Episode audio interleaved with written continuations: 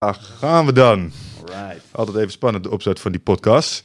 Uh, maar daar weet jij inmiddels uh, volgens mij alles van. jazeker, jazeker. Ja, uh, beste luisteraars, welkom weer bij een nieuwe aflevering van Eindbazen. En vandaag hebben we in de studio zitten David van Balen. En David die is heel druk bezig met het onderwijsinitiatief van 12 Waves, Young Guns en De Heldenreis. En uh, David uh, die is recentelijk ook zijn eigen podcast gestart. En die kon even meekijken achter de schermen hier. Dat dat technisch ook nog wel eens iets wat voeten in de aarde uh, heeft. Maar ja, daar heb jij ook een mooi verhaal over, niet? ja, heb ik gelukkig ook niet onder stoelen of banken gestoken. dus helaas geen primeur. Maar inderdaad, ik ben blij dat het hier ook wel eens wat hapert. Um, voor mijn podcast had ik een van mijn persoonlijke helden die ik graag wilde interviewen. Dat was Paul Smit. Mm -hmm had ik een aantal keren horen spreken. Ik dacht, oh, daar hou ik van. De lichtheid, de makkelijkheid waarmee hij uh, spreekt over uh, het leven en de benadering van alles. Dus uh, uiteindelijk, nou, via jou, dankjewel Michel. Graag gedaan, jongen. contact gekregen met Paul Smit. Ja, ja, joh, kom maar naar Gouda. Helemaal prima, gezellig. Dus ik ben in Gouda en ik zit daar. Tweede podcast die ik ging opnemen. En ik leg het apparaatje neer. Ja, is alles goed? Ja, is alles goed? Ja, joh, nee, natuurlijk, ik weet heus wel wat ik doe. Klik, klak. En uh, nou, je raadt het al. Twee uurtjes later, uh, ja, oké, nou, mooi, dankjewel voor het interview. Dingetje uit, kom thuis, vanuit Gouda terug naar Arnhem. Zet hem op de computer, 85 kb, het bestandje. En voor de digibeten onder ons, dat is niet groot genoeg. Dat nee. Niet groot genoeg. Nee, nee, nee, dat was... Uh, nee, er was, er was gewoon helemaal niks. Okay, en ja. uh, dus ik zat te kijken naar het scherm. Shit, nee, nee. Oké, ja, uh, non-dualiteit. Ik kan er niks aan doen. Ja. Dit is wat het is. Dus meteen Paul gebeld. En die reageert dus ook. Die man is hartstikke druk. Mm -hmm. En die reageert, oh ja, ja, vervelend joh, kan gebeuren volgende week dinsdag weer. Chillen. Ja, wat een baas. Ja, dat ja, is Paul. Fantastisch. Mooi mensen ja. is dat. Ja, te gek man. Uh, maar sindsdien dus uh, triple check en... Uh, oh, oh, ja. Je moet, elke podcaster heeft op zijn minst één of twee van dit soort ervaringen. En daarna wordt het iets beter. Maar ook dan, een stukje verderop, loop je er alsnog tegenaan. Dus dat is helemaal oké. Okay. Maar hoe bevalt het podcasten sowieso? Ja, fantastisch man. Dat is leuk hè? Ja, ik, het is zo gaaf. Vertel dus, eens even over je podcast. Wat, hoe heet die en waar heb je het vooral over? Ja, mijn podcast heet De Heldenreis. Ja. En uh, is eigenlijk de titel komt van het uh, persoonlijk ontwikkelingsprogramma voor de basisschool, mm -hmm. uh, wat ik heb geschreven. En um, in de heldenreis ga ik op zoek naar... Verder niet afleiden als je microfoon ineens... Jabbo, die, die, wil David even helpen met de microfoon voor zijn neus. Is het zo beter, Jamie? Ja, is beter. Oké, okay, mooi. Ja, nee... Um, uh, het fijne en het mooie aan zo'n podcast is dat uh, ik krijg mensen te spreken die ik anders uh, waarschijnlijk niet zou kunnen spreken. Mm -hmm. je krijgt een soort voorrang of urgentie in hun agenda. Ja. En het gaat over onderwijs. En heel veel mensen willen graag wat bijdragen aan het onderwijs. Veel mensen dragen dat een heel warm hart toe. Mm -hmm. nou, dat is ook niet zo gek. Daar gaan we het straks nog wel even over hebben, denk ik. Over waarom is dat dan zo belangrijk? Dit is nou ja, misschien wel toevallig, misschien ook niet de dag van de stakingen. Okay. Uh, vandaag zijn heel veel docenten niet uh, op hun werk omdat ze ja, aan het staken zijn. Om allerlei redenen die, uh, nou, mijn zinziens ook wel terecht zijn. Ja. Maar het mooie aan de podcast is inzicht opdoen van experts op de vierkante centimeter die zij volledig beheersen. Ja. En die vaak ook heel veel zegt over waar gaat het nou naartoe. Mm -hmm. want dat is, dat is eigenlijk wat we willen willen mensen voorbereiden op een maatschappij waarvan we nog geen idee hebben hoe die eruit gaat zien. En dat is steeds minder passend bij de structuur van het onderwijs zoals we hem 100 jaar geleden hebben bedacht. Ja, ja. Ik denk dat dat waar is. Maar voordat we die krochten echt ja. uh, helemaal gaan induiken, denk ik dat het voor de luisteraar ook wel leuk is even om te weten, nou, wie is David dan? Uh, hoe is die hier terechtgekomen? Kun je ons even kort meenemen in uh, waar je vandaan komt, dat je zo'n duidelijke visie op het onderwijs hebt weten te formuleren? Ja, de David Helderreis. De David Helderreis. Ja, ja, um, ik zal het proberen samen te vatten. Maar gelukkig, uh, het mooie aan het format podcast vind ik ook dat het uh, lekker lang mag duren. Dus maak je We kunnen even, ja. uh, ja, nee, ik, um, ik vond school zelf niet zo heel tof. Okay. aanvankelijk. En op de basisschool gewoon spelen. Altijd spelen, man. Lego en G.I. Joe en mm. al die dingen. Turtles. Super vet. Maar dat ja, was helemaal niet, uh, viel helemaal niet bij het plan van... Uh, oh, Ik zie nog een kleine microfoon aanpassing aankomen. Dat- Ja, Benoem het maar ik- gewoon hoor, dat, dat kan echt wel. Maar ehm, nou, dat paste helemaal niet bij het plan van de juf en de meester. Nee, Dus op een gegeven moment moest ik CITO-toets doen, groep 8. En eh, nou, dat was hartstikke belangrijk. Nou, belangrijk eh, was de zandbak en dat was eh, eh, Vietnam spelen bij de Kick of Ivory. ja, ja, ja, ja, ja. ja. Je kent het wel. Tour of Duty. We zijn ongeveer even oud, dus Ja. dat, dat zal wel, zal wel kloppen. Ehm, vervolgens middelbare school. Ook niet bijster interessant. Maar alles wat er omheen gebeurde en wat er in mij gebeurde, vond ik wel heel interessant. Hmm. Dus wel een bepaalde interesse voor biologie. Ja, wat gebeurt er nou in je lijf? Hoe zit dat met hormonen? Al die dingetjes. En ehm, op een gegeven moment eh, ja, ben ik gewoon mijn ding gaan doen. Ik ben een studie gaan doen waarvan ik dacht, dat lijkt me wel, eh, lijkt me wel tof. Mhm. Ik had een oom, die had sportacademie gedaan. Dus ik ging ook sportacademie doen. Oh ja. Want die gast die was eh, twaalf weken in het jaar was hij op vakantie. Dus dikke reis aan het maken met zijn motor, lekker aan het rondcrossen. En in de tussentijd ja, maakte hij zich niet zo heel druk. Ik zie ineens een rolmodel in jouw leven. Ja. Dat klopt, dat klopt. Ja, ja, ja, ja, ja, zeker waar. Ja, helemaal in die tijd. Ehm, de, de- die oom eh, is de broer van mijn moeder. Mhm. En eh, ik ben door mijn moeder opgevoed eh, het grootste gedeelte van de tijd. Mijn vader die woonde elders. Mijn ouders zijn gescheiden toen ik vier was. Hmm. En ehm, ja, dat was inderdaad wel, wel echt een rolmodel. Hè? Die gast, ik dacht, wow, die zag ik ook best vaak. Die nam me mee vogels kijken en de natuur in. Allemaal dingen die nog steeds voor mij eh, eh, super fijn zijn. En, Ja. en echt maar happy place. Nou, vanuit daar ging ik dus een studie doen. Ehm, maar ik had een eh, enorme fascinatie voor eh, eh, meisjes Mhm. eh, en eh, drank. Oké, En dat gaat niet heel goed samen met de studie die ik deed. ik herken geen van deze neigingen. Dus, nee, eh, dat snap ik. Dat is inderdaad, daar zit totaal geen parallel. Eh, en Cypress Hill. ja, ja, ja, ja, 100%. Dus eh, ja, wat, wat gebeurt er? Eh, je zit op een sportopleiding en Mm. eh, je maakt jezelf gewoon langzaam kapot. Eh, Mm. tot drie, vier uur s'nachts biertje drinken en achter de vrouw aan. Dat, er is geen combi met 's ochtends weer op het atletiekveld staan. Mhm. En dan ben je jong, dan ben je heel fit, maar je breekt jezelf af. Ja. Ik had alleen voor mezelf totaal niet door. Dus ik ben een bepaald pad ingeslagen van, ah ja, ik, ik, ik moet dit vanuit een, eh, een basiswaarde die ik had meegekregen. Zorg nou voor zekerheid, voor een diploma, dat je alles netjes voor elkaar krijgt. Nou, ik daarmee aan de slag, eh, maar het paste gewoon niet bij mij. Ik merkte dat eh, de manier waarop onderwijs gegeven werd, in alle takken, ook al deden mensen nog zo hun best, dat het, het raakte me niet, het trok me niet. Mhm. Het was, en ik begreep het ook niet zo goed. Waarom moet ik dingen doen die ik echt nooit ga gebruiken? Mhm. Ik heb nooit hoog gehaald dan een 3,5 voor wiskunde Mhm.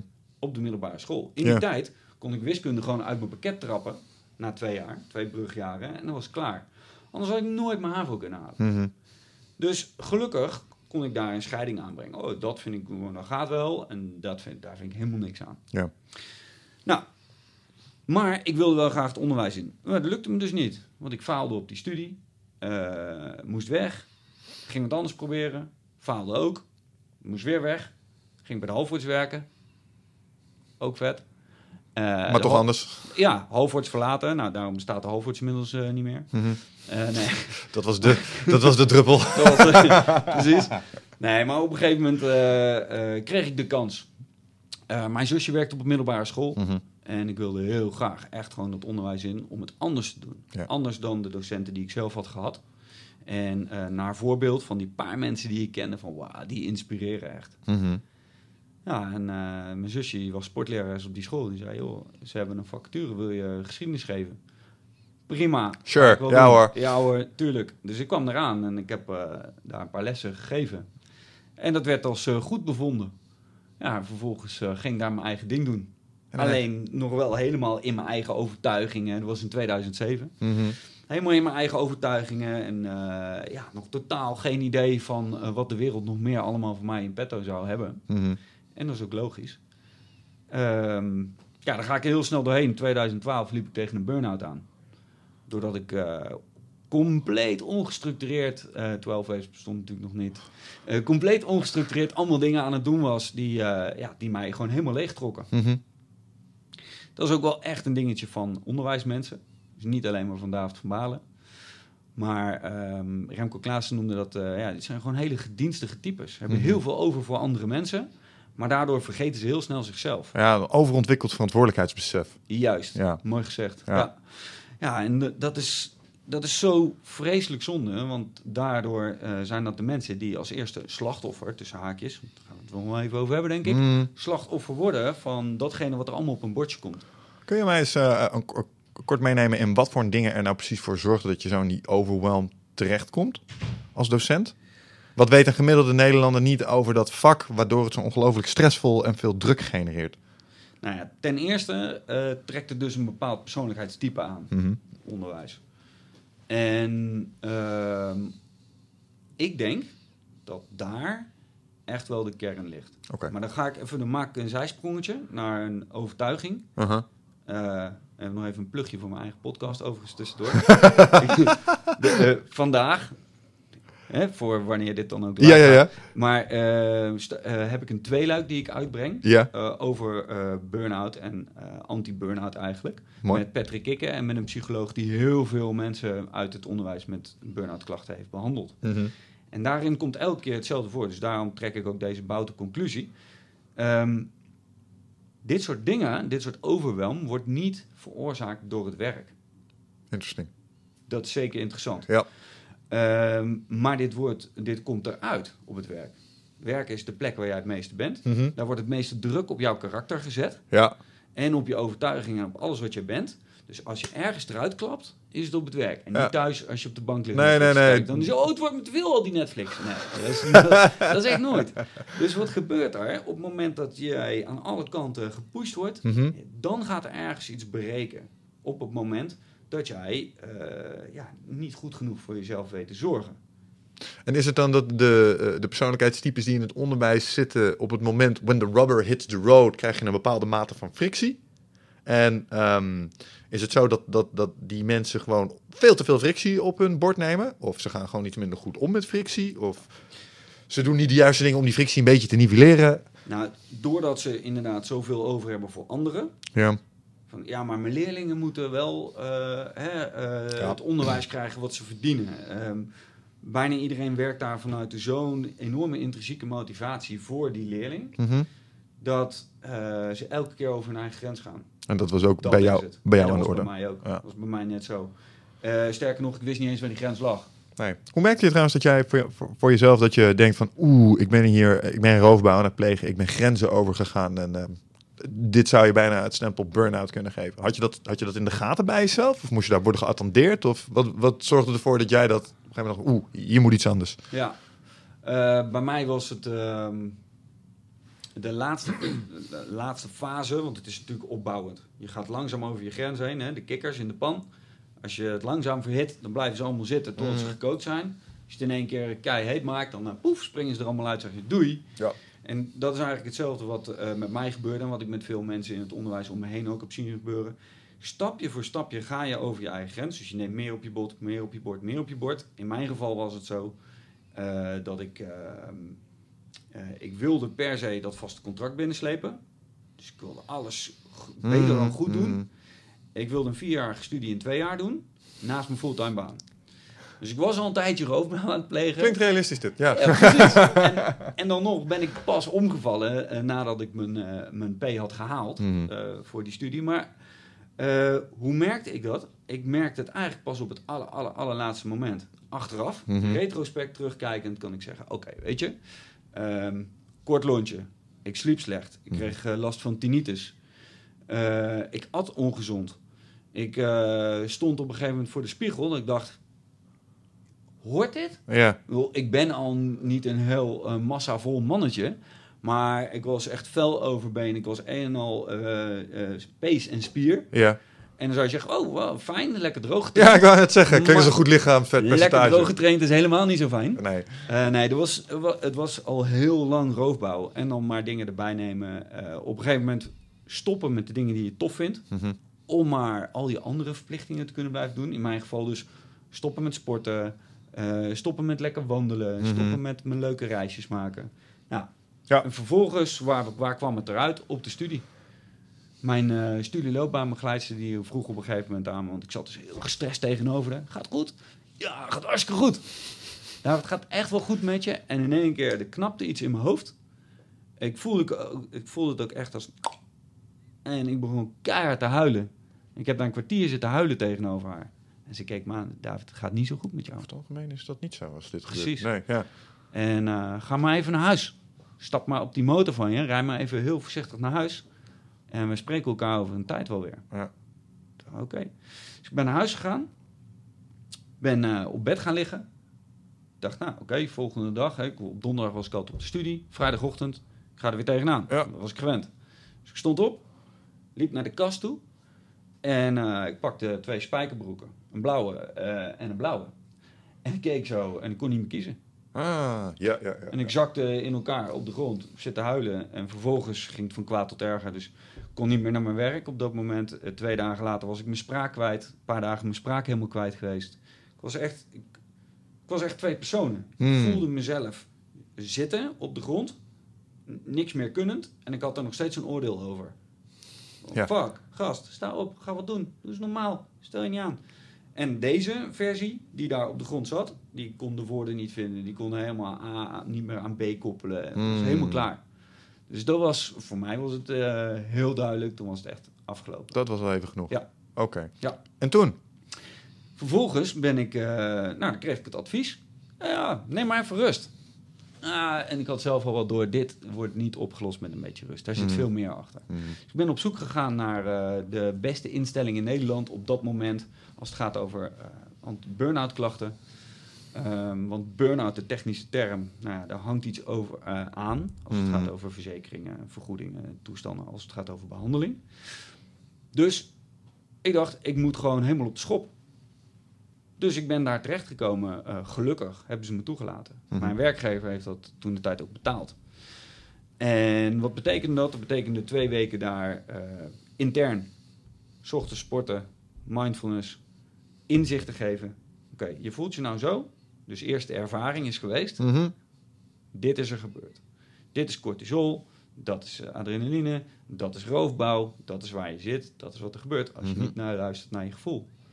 Dus ik heb daar allerlei inzichten gehad. En aan het eind van de eerste week, ik zag om me heen, we waren met een groep van zes mensen, zag ik de een naar de ander gewoon breken. Mhm. Want iedereen zit daar met zijn eigen verhaal.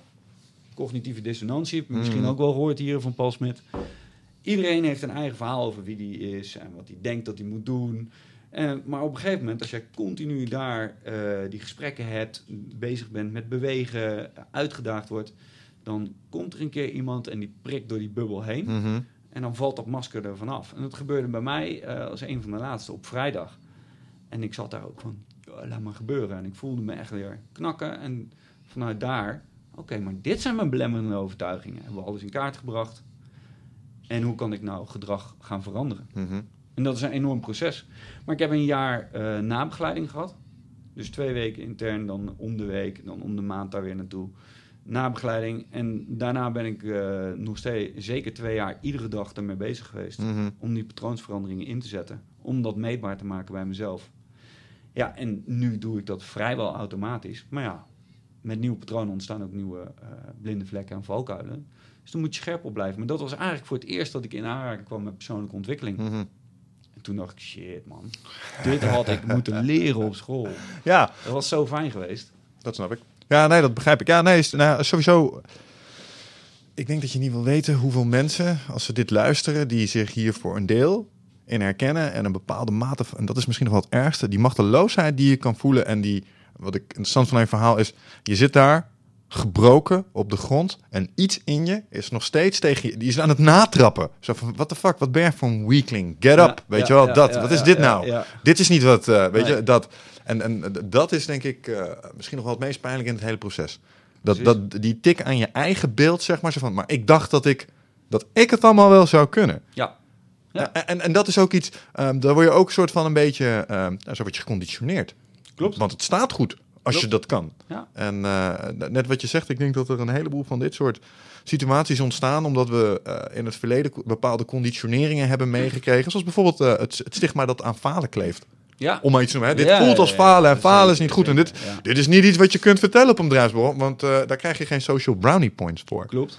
Ja, ja, Klopt, sowieso kwetsbaarheid. Hè. Het is in, in deze tijd, en misschien is dat ook de bubbel waar ik dan in zit, hmm, Ehm, maar is kwetsbaar, kwetsbaarheid echt een ding wat onder andere door Brene Brown en zo, die toespraak, eh, echt een beetje ehm, geopend wordt mhm. voor iedereen, zo lijkt het voor mij, eh, om het daar ook echt over te gaan hebben met elkaar. Weet je? En we kunnen er ook niet omheen. Ik heb eh, gisteren nog eens even die, de cijfers opgezocht.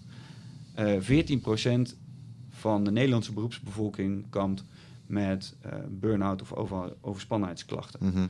In het onderwijs is dat 20%. In het onderwijs is dat 25% als het gaat over alleen onderwijzend personeel. Dus 20% met onderwijs eh, ondersteunend personeel erbij. Mhm. Dus 1 op 4. Ja, speel. Ja, dat is niet best. Nee. Dat is echt niet best. En aan de ene kant eerst, laten we zeggen een jaartje of tien geleden, eh, zat je dan in de hoek van, nou, zwak, je bent omgevallen. Ja. Terwijl, ehm, als je zwak bent, dan zeg je veel eerder, oh, gaat niet. En als je verstandig bent. Terwijl de eigenwijze doorzetters, ja, die gaan maar door en eh, door, door, door. Ja, en wat hier zo interessant aan is, of wat ik hier zo eh, schrijnend aan vind, is dat dit raakt dus de mensen die verantwoordelijk zijn voor Ja. het doorgeven van gedrag, kennis en kunde naar de volgende generatie professionals. En dienen daar ook mee, als, een, als je het had over rolmodellen, als een soort van rolmodel. Ja. Ehm, en ja, ja joh, eh, stel je voor dat dat het voorbeeld is wat je krijgt van holy shit, dus als ik straks ga werken, deze docenten zien er ook niet eh super gelukkig zen en eh, gestructureerd uit. Dus hmm, dat voorspelt niet veel goed voor later. Bovendien, je emuleert toch het gedrag wat je om je heen ziet, zeker in die vormende jaren. Ja. Ehm, dus eh, daar- vindt ook een hele interessante wisselwerking plaats natuurlijk. Alright, en sowieso wel echt super vet om te horen hoe eh, grondig die begeleiding ook kan zijn. Ik bedoel, eh, het proces wat je schetste, ik kan me voorstellen dat dat echt een effect heeft gehad. Eh, Ja. wat, ik heel mooi aan, wat ik heel mooi aan vind is ook ehm, niet alleen een eenmalige interventie met een beetje extra kennis, maar de aandacht voor de borging daarvan daarna met terugkommomenten en zo. Dus dat is perfect. Ja. En toen had je jezelf weer afgestoft. Een Yes. soort van hervonden. Ja. Ehm, nou ja, hè, de meeste mooie verhalen die gaan ook wel even gepaard met een trip naar de spreekwoordelijke onderwereld. De onderwereld, ja. Dus daar zat je in je donkerste moment. Ja, maar, op, absoluut. maar op een gegeven moment was het diepste punt bereikt en toen ging je weer omhoog. Ja. Hoe zag dat eruit? ja, te gek. Ja, dat snap ik. Ja, Ja. dat is het aan rock bottom, zeg maar. Only way is up, ja. The only way is up. En ehm, het mooie daarin was dat ik, eh, ik, ik... Ik kon zo lekker genieten eh, eigenlijk van de afwezigheid van de eh criticaster of van de oordelende stem in mijn eigen hoofd. Die was er niet meer. Want je had geleerd dat van je af te schudden. Ik, nou ja, ik had geleerd dat niet alleen van me af te schudden, maar ook dat dat niet van mij was. Mhm. Dus het was wel een onderdeel van mij, maar ik hoefde daar niet per definitie naar te luisteren. Dat had ik nooit geleerd. En ik had nooit geleerd dat eh, alles wat er door mijn koppie ging, en er gaat nogal veel door mijn koppie, Mhm. Dat dat helemaal niet per definitie waar is. Of dat ik daarnaar hoef te luisteren. Mhm. Als je dat niet leert en je bent een beetje druk in je hoofd, dus voor jou misschien wel herkenbaar, dan, dan, dan ben je een, een soort flipperbal. ja. En eh, je gedachten vliegen alle kanten op en je, je bent van de ene impuls naar de andere aan het rennen. En die rust, die was neergedaald. En eh, ik had vanuit daar ook meegekregen van, joh, leer nou maar eens accepteren dat het is wat het is. Dus de situatie is de situatie. En vervolgens kan je kiezen, wil ik hier wat mee? Mhm. Ga ik dan linksom? Ehm, ik ga hier eh, iets moois van maken. Ik ben proactief. Of ga ik rechtsom? Ik ben hier een slachtoffer. ja. Ik ben zielig. Nou, en dat ik überhaupt het idee had dat ik de keuze kreeg, dat was fantastisch. Dus ik, vrienden van mij die zeiden ook, oh, dude, dat ken je bijna niet meer terug, man. Je zit, de, de spierspanning is weg. Je zit gewoon eh, lekker te chillen en alles gebeurt. En ja, het is wat het is. ja. Faal ik, dan faal ik. Interessant is dat, hè? Dat is super mooi. als, je, als je dat geleerd krijgt, het is heel erg... eh, het is van de Stoics natuurlijk, hè? Je, de, het oordeel over een situatie. Ja. Eh, en ehm, die ruimte die er ontstaat op het moment dat je snapt dat er een. De, de marge is niet heel groot. Het, het moet ergens in een minuut of zo moet het gebeuren. Want je krijgt een emotie. En die Ja. duurt een bepaalde tijd, 45 seconden is mij ooit een keer verteld. En daarna dan ga je er of mee aan de slag of niet. En ik noem dat de glijbaan afgaan. En, en op het moment dat je weet dat dat kan, dat je, maar ik kan hier ook een andere keuze in maken. En wat de Stoics je dan leren is, vind er gewoon niks van. Ja. Dat kan. Je kan ergens gewoon niks van vinden. Precies. En het enige wat je hoeft te doen is je te richten op het werk wat eruit voortkomt. Juist. Dus, dus en het mooi, een mooi voorbeeld dat ik zeg, als er eens een keer iets valt, en het valt in scherven, het enige wat hoeft te gebeuren is dat de scherven moeten worden opgeruimd. Ja. Dat is het enige. Het is wel vervelend, en zo, maar joh, daar kun je er ook niet van vinden. gebeurd, ja. ja, het- en, en want dat kost ook energie. Ehm, pak gewoon de scherf op Precies. en move on. Precies. That's it. Ja. Ja, ja, te gek. Oké, mooi. en dat, dat is wat ik daar eh, zo duidelijk aangeleerd heb gekregen. Plus, ehm, eigenlijk, als je bij jezelf gaat zitten voelen... en je kan de connectie goed maken van daar naar daar... Ja, en andersom... dan weet je donders goed wanneer iets te veel te veel is. Ja. En zorg dus ook dat je lijstje korter is... dan dat je eigenlijk denkt dat die moet zijn. ja, Want je hebt altijd 50% minder tijd... dan dat je denkt dat je hebt... ja. en iets duurt altijd 50% langer dan dat je denkt dat het duurt. Ja, en, en dit is iets tegenstrijdigs ten opzichte wat iedereen eh, zegt. Maar ik hoorde dat laatst ergens een keer, vond ik zo mooi. Make your dream small and your grind big. Snap je? Dus, dus, dus eh, tuurlijk moet je grote dromen hebben. Tuurlijk moet je eh, big, hairy, audacious goals zijn supergoed.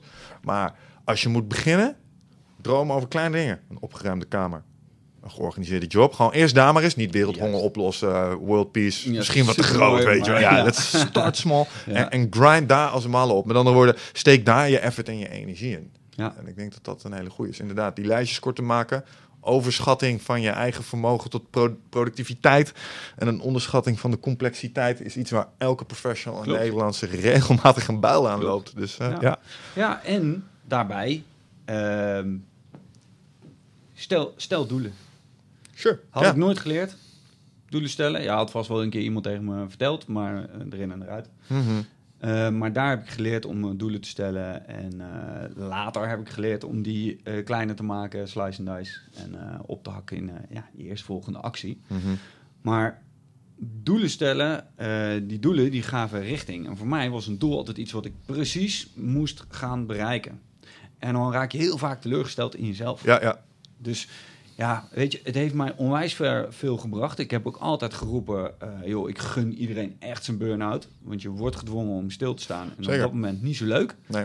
Maar je hebt er heel veel aan. Maar inmiddels heb ik dus mensen ontmoet, die hebben twee keer, drie keer een burn-out gehad. Ik denk, oeh, ja, misschien moet ik dan daar een beetje mee uitkijken. Want ehm, ja, sommige mensen hebben andere lessen te leren. Mhm. Ja, of moeten het op een andere manier geleerd krijgen. Dat is misschien ook wel een ding. Dat is ook wel iets wat ik geleerd heb. Dezelfde boodschap en verschillende verpakkingen op Ja. andere momenten in hun leven. Ja.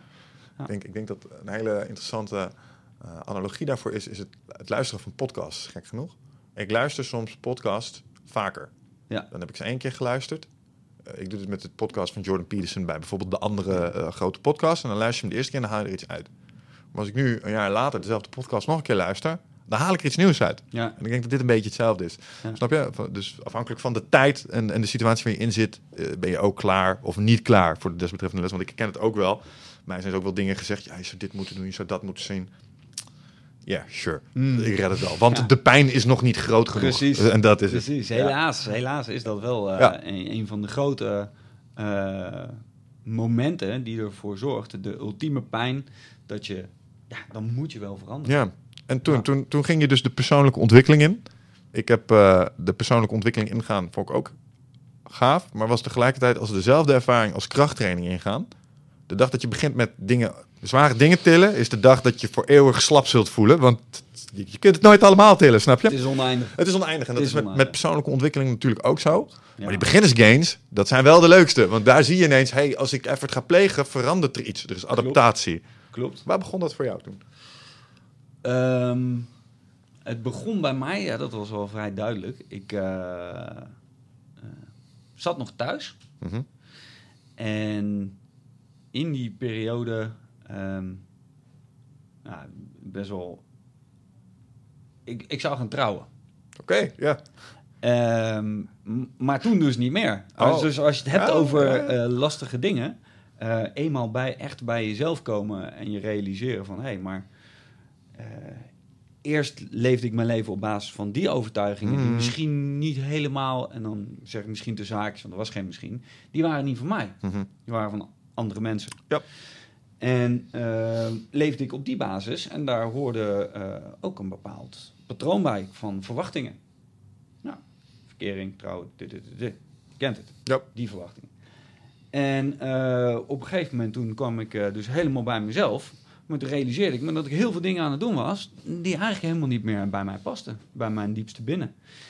Ehm een van de eerste signalen die ik daarin oppakte... want ik ben op een gegeven moment heb ik daar het gesprek over gevoerd... en dat is Mm. uiteraard niet doorgegaan en uit, en et cetera. Ehm, ken je het boek Zen en de kunst van het motoronderhoud? Nee, Van Robert M. Pirsig. klinkt goed. Fucking briljant boek. Ja. Maar dat boek, dat had ik daarvoor vijf keer eerder geprobeerd te lezen. En ik kreeg het niet voor elkaar. Mm. En ik was in die periode was ik in Zweden en ik was het aan het lezen. En ik ontdekte de lagen en ik begreep het. En ik dacht ineens, er is echt iets veranderd. Ik ben, Mhm. ik ben anders. En ik heb een rotsvast vertrouwen in plaats van dat ik continu vanuit de paniek aan het leven was. In die periode daarvoor. Een rotsvast vertrouwen dat wat ik doe, komt gewoon goed. Mm. En daar startte mijn persoonlijke ontwikkeling. En ja, via via ehm, moet ik jou en Wigert ook daar zeker credits voor geven. Hm. Want eh, ik heb het er gisteren even opgezocht, zo mooi als dat kan met, met telefoons. Ja. Ehm, 16 juli 2017 Ja. kreeg ik een appje van een vriendin van mij. Dat was mijn eerste vriendinnetje vroeger, vroeger. Ja. Rieke, dankjewel. En eh, die stuurde een berichtje. Die zei: Ik heb nou iets geluisterd, podcast. Ken je dat? Nee, ken ik niet. Ik zeg: Eindbazen podcast. En ik was aan het luisteren en ik moest alleen maar aan jou denken. Twee uur lang. Oh, nou, dat is lief. Cool. Eh, vet shit. Maar wat dan? Ja, podcast nummer 66. Casper van der Meulen. Ah, ja. Leraar, eh, biohacker, eh, wilde het verschil maken, merkte dat dat binnen school dat dat beperkt was en is vervolgens andere stappen gaan zetten Mm. om zijn bijdrage te leveren aan een mooiere wereld. Ja. Ik zeg, ah, oké, tof. En vervolgens eh, ging dus die eindbazen podcast luisteren, of wat dat dan ook maar zou zijn. Ja, jezus. Ja, nou, Waar was je aan begonnen? Eh, precies. nou, dat was dus de deep dive eh, voor wat betreft de podcast info. Mhm. Ja, wat ik daarna heb geleerd, niet alleen van, van wat jullie hier aan gasten hebben uitgenodigd, maar ook van de gasten zelf. Ja. Want daar ga je dan in verdiepen. Ja, sure. En dan blijkt dat je dus inderdaad op de vierkante centimeter leraren kunt vinden in de wereld van podcasts, die eh, je zoveel nieuwe inzichten kunnen brengen. En- bijna cruciale levensskills. Absoluut. Ja. Absoluut. En Casper deed dat op verschillende manieren. Met, eh, hij had op een gegeven moment een stukje, dat heb ik in mijn lessen, zelfs gebruikt voor mijn leerlingen, Mhm. waarbij hij zei: ehm, Als jij alleen maar op de bank zit, chips te vreten, te blowen, bier te drinken en te zeiken op de wereld om je heen, dan eh, lijkt het alsof je een heel makkelijk leven hebt, maar dan maak je het jezelf heel moeilijk. Mhm. Want dan is alles gedoe en alles is gezeik en je Ja. bent een zielepoot. En je vergiftigt jezelf ook nog eens. Terwijl als je het jezelf ietsje moeilijker maakt, je stelt jezelf voor bepaalde uitdagingen, dan maak je je leven veel makkelijker. Mhm. Dus toen hadden jullie het geloof ik ook over die eh, ochtends, de koude douche. Begin gewoon met bam, even er doorheen. Buiten dat het eh, heel goed is voor je eh, immuunsysteem. Mhm. Doet het ook echt wat met je hersenen. Ik weet niet hoe jij uit bed komt, maar als ik uit bed kom, dan zit ik echt in een soort van twilight zone tussen dromen en realiteit. Mhm. Alles gaat door mijn hoofd van de hele dag. Stap ik onder de douche, blijft die warm, dan blijft dat gewoon gaan. Ja. Zet ik hem koud, kijk naar die knop, dan gebeurt er wat met je. Dan Mhm. word je even gereset. Ja. Ja, dat soort dingetjes. Even moeilijk doen, rest van de dag, wordt dan relaxter. Je kan de dag aan. Je hebt al iets overwonnen, meteen ja, ja. ochtends. Een daad van discipline. Precies. Mm. Ja, dat soort dingen. Eh, vervolgens, ja, ik heb hier een, een, een lijstje opgeschreven met mensen die... eh, eh, Bas Kodde, die had geniale inzichten. Nou, Remco Klaassen natuurlijk, Ja. Paul Smit. Nee, Mirjam Spittel, noem ze allemaal maar op. Ehm, Jordan Peterson, zeker. Zeker. David Allen. Damn, man. Toen ik eh, GTD leerde kennen, en dat kende ik daarvoor ook niet... Mijn leven veranderde. Ja. Ja, Ja. alles, alles zit in drie mapjes en in mijn boek. En that's it, man. Ik ben altijd op de hoogte. Ik weet altijd alles wat ik moet doen. Ja. Ja, Oh jongen, dat zou, ik, dat zou ik elke Nederlander gullen, jongen. Het gevoel van clear space, dat het gewoon Zo. Het klopt, het zit op zijn plek, Oh. heb overzicht, rust. En ineens komen er zulke geweldige ideeën en ingevingen en motivatie je hoofd Ja. in. Ja, nee, 100%. En dan blijft die motor wel draaien hoor. Zeker, nou, dat, is, dat is het. Dat is het. Ja. Ehm, ja, vet. Dus toen heb je die persoonlijke ontwikkelingsreis eh, toen eh, ben je gestart. Ja, En toen luisterde je naar onze podcast. Maar jullie podcast. Ehm, toen kwam ik Michael Pilacic tegen, een ander vriendinnetje van me. Ja, die heeft een gratis programma Design Your Own Life. Top. Dat een keertje gedaan, doelen gesteld. En eh voor ik het wist, eh, zei mijn vriendin... Goh, eh, er is een eh livecrafting seminar van eh, Michel Vos, ken je die? Mhm. Ja, die eh, ken ik van eh, de telefoon. Ja, ja. Die, die gaat altijd in mijn oor. En eh, zei, ja, zullen we daar naartoe? Ja, is goed, gaan we naartoe. ja. Dus eh, wij er naartoe en ik zat te kijken en eh, dat sloot precies aan bij alle dingen die ik eh, aan het doen was. En ik had op dat moment besloten, ehm, ik was al een aantal jaren bezig, even terug voor de duidelijkheid, ik ben 12,5 jaar leraar geweest op het VMBO. Mhm. Ehm, en die laatste paar jaren, dus na de burn-out, ben ik me heel erg gaan richten ook op persoonlijke ontwikkeling van leerlingen. Mhm. Hoe kan ik nou zorgen dat die leerlingen niet met 3-0 achterstand de maatschappij ingaan, Ja. maar met 3-0 voorsprong? Want ze kwamen al bij ons en dan een aantal die zaten er met een houding. Ik gaf dan de examenklassenles, hè, dus eh, 4BB en 4KB. Ja, eh, ik kan toch niks. Want op de basisschool, als we wiskunde gingen doen, dan moest ik in de pophoek gaan zitten. Mhm. Want daar ben ik te dom voor. Mhm. Ja, fuck man. Als, de, als je zo moet beginnen, Ja, ja, ja. In die periode. Dat is niet best. Dus ik ben met ze bezig gegaan. Maar je, hoe, hoe doe je dat dan? Hoe stel je doelen? Hoe eh, eh, zorg je dat je het behapbaar maakt? Hoe zorg je dat je een plan maakt voor jezelf? Mm. Anders word je ingezet. En andermans plannen. Andermans plannen. Dankjewel, meneer Klaassen. Ja, nee, zeker. Dus dat, eh, daar was ik wel heel druk mee bezig. En ik merkte dat ik binnen school... de- Dat was heel gek, hè? Ik, of eigenlijk heel logisch, maar... ehm, ik ging minder Engels geven. Eh, en ik ging meer persoonlijke ontwikkeling geven Mhm. binnen de uren Engels. En de cijfers Engels, in vergelijking met het landelijk gemiddelde, gingen omhoog op het centraal Zou dat eindexamen. nou kunnen? Ja. Ja, hmm. misschien iets met aandacht en eh, Ja. weet wie je bent en wat je wil.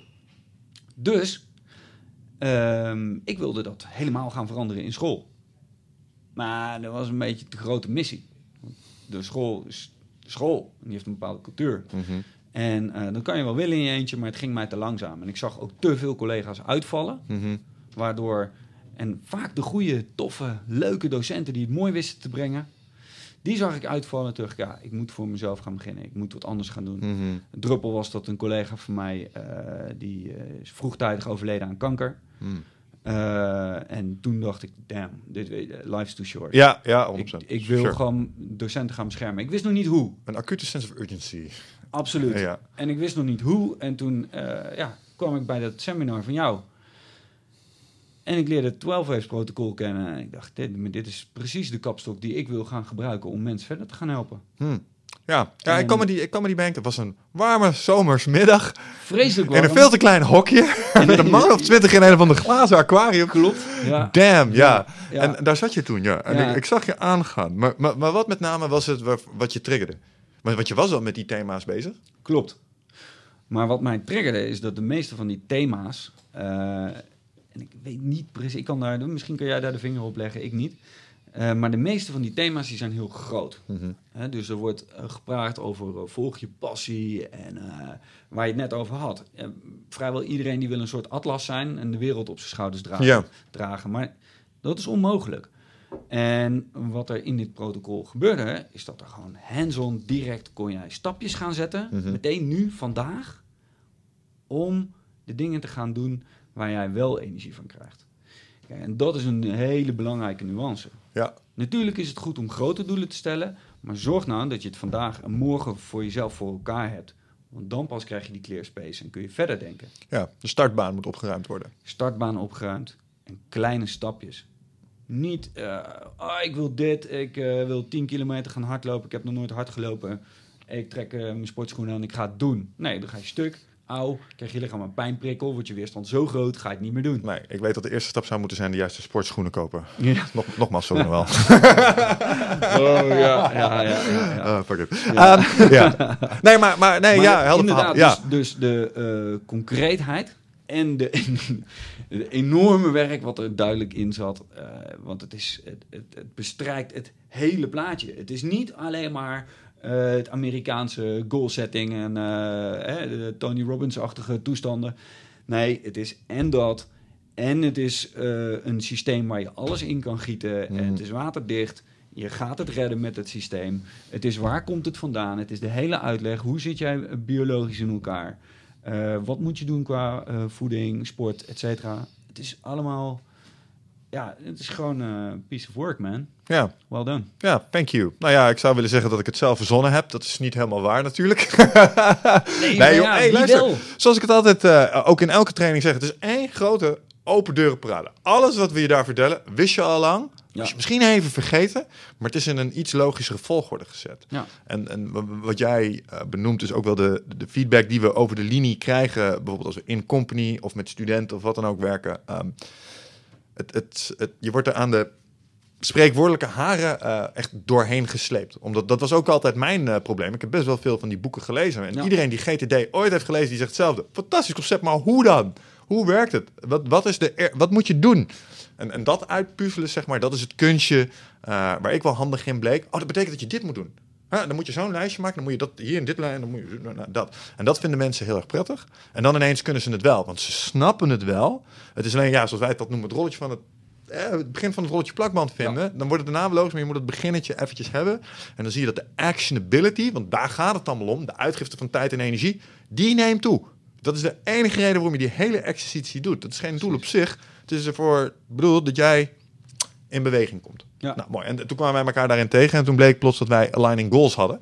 Ja, dat was wel heel grappig. Ja. Ja. Ik, eh, ik had zoiets van, ik wil, ik wil hier wel wat mee. Ja. Eh, lijkt me mooi, een prachtige kapstok. En ehm, nou ja, vanaf mijn, eh, vanuit mijn achtergrond als, als Engels docent zag ik wat dingetjes in de PowerPoint staan. En ik dacht, hé, hey, speel je niet zo. en toen eh, dacht ik, ja, ik kan eh, het hierbij laten zitten. Of ik loop gewoon even naar hem toe en ik zeg, joh, eh, ik weet niet hoe, maar ehm, ik wil je best helpen. Ja. En laat, ja, stuur, stuur hem door naar mij en doe ik de aanpassingen en dan gaan we het erover hebben. En vervolgens raakten wij in gesprek.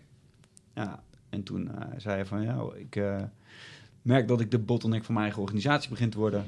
Eh, niet heel, ik ken het onderwijs en het is niet helemaal mijn speelveld.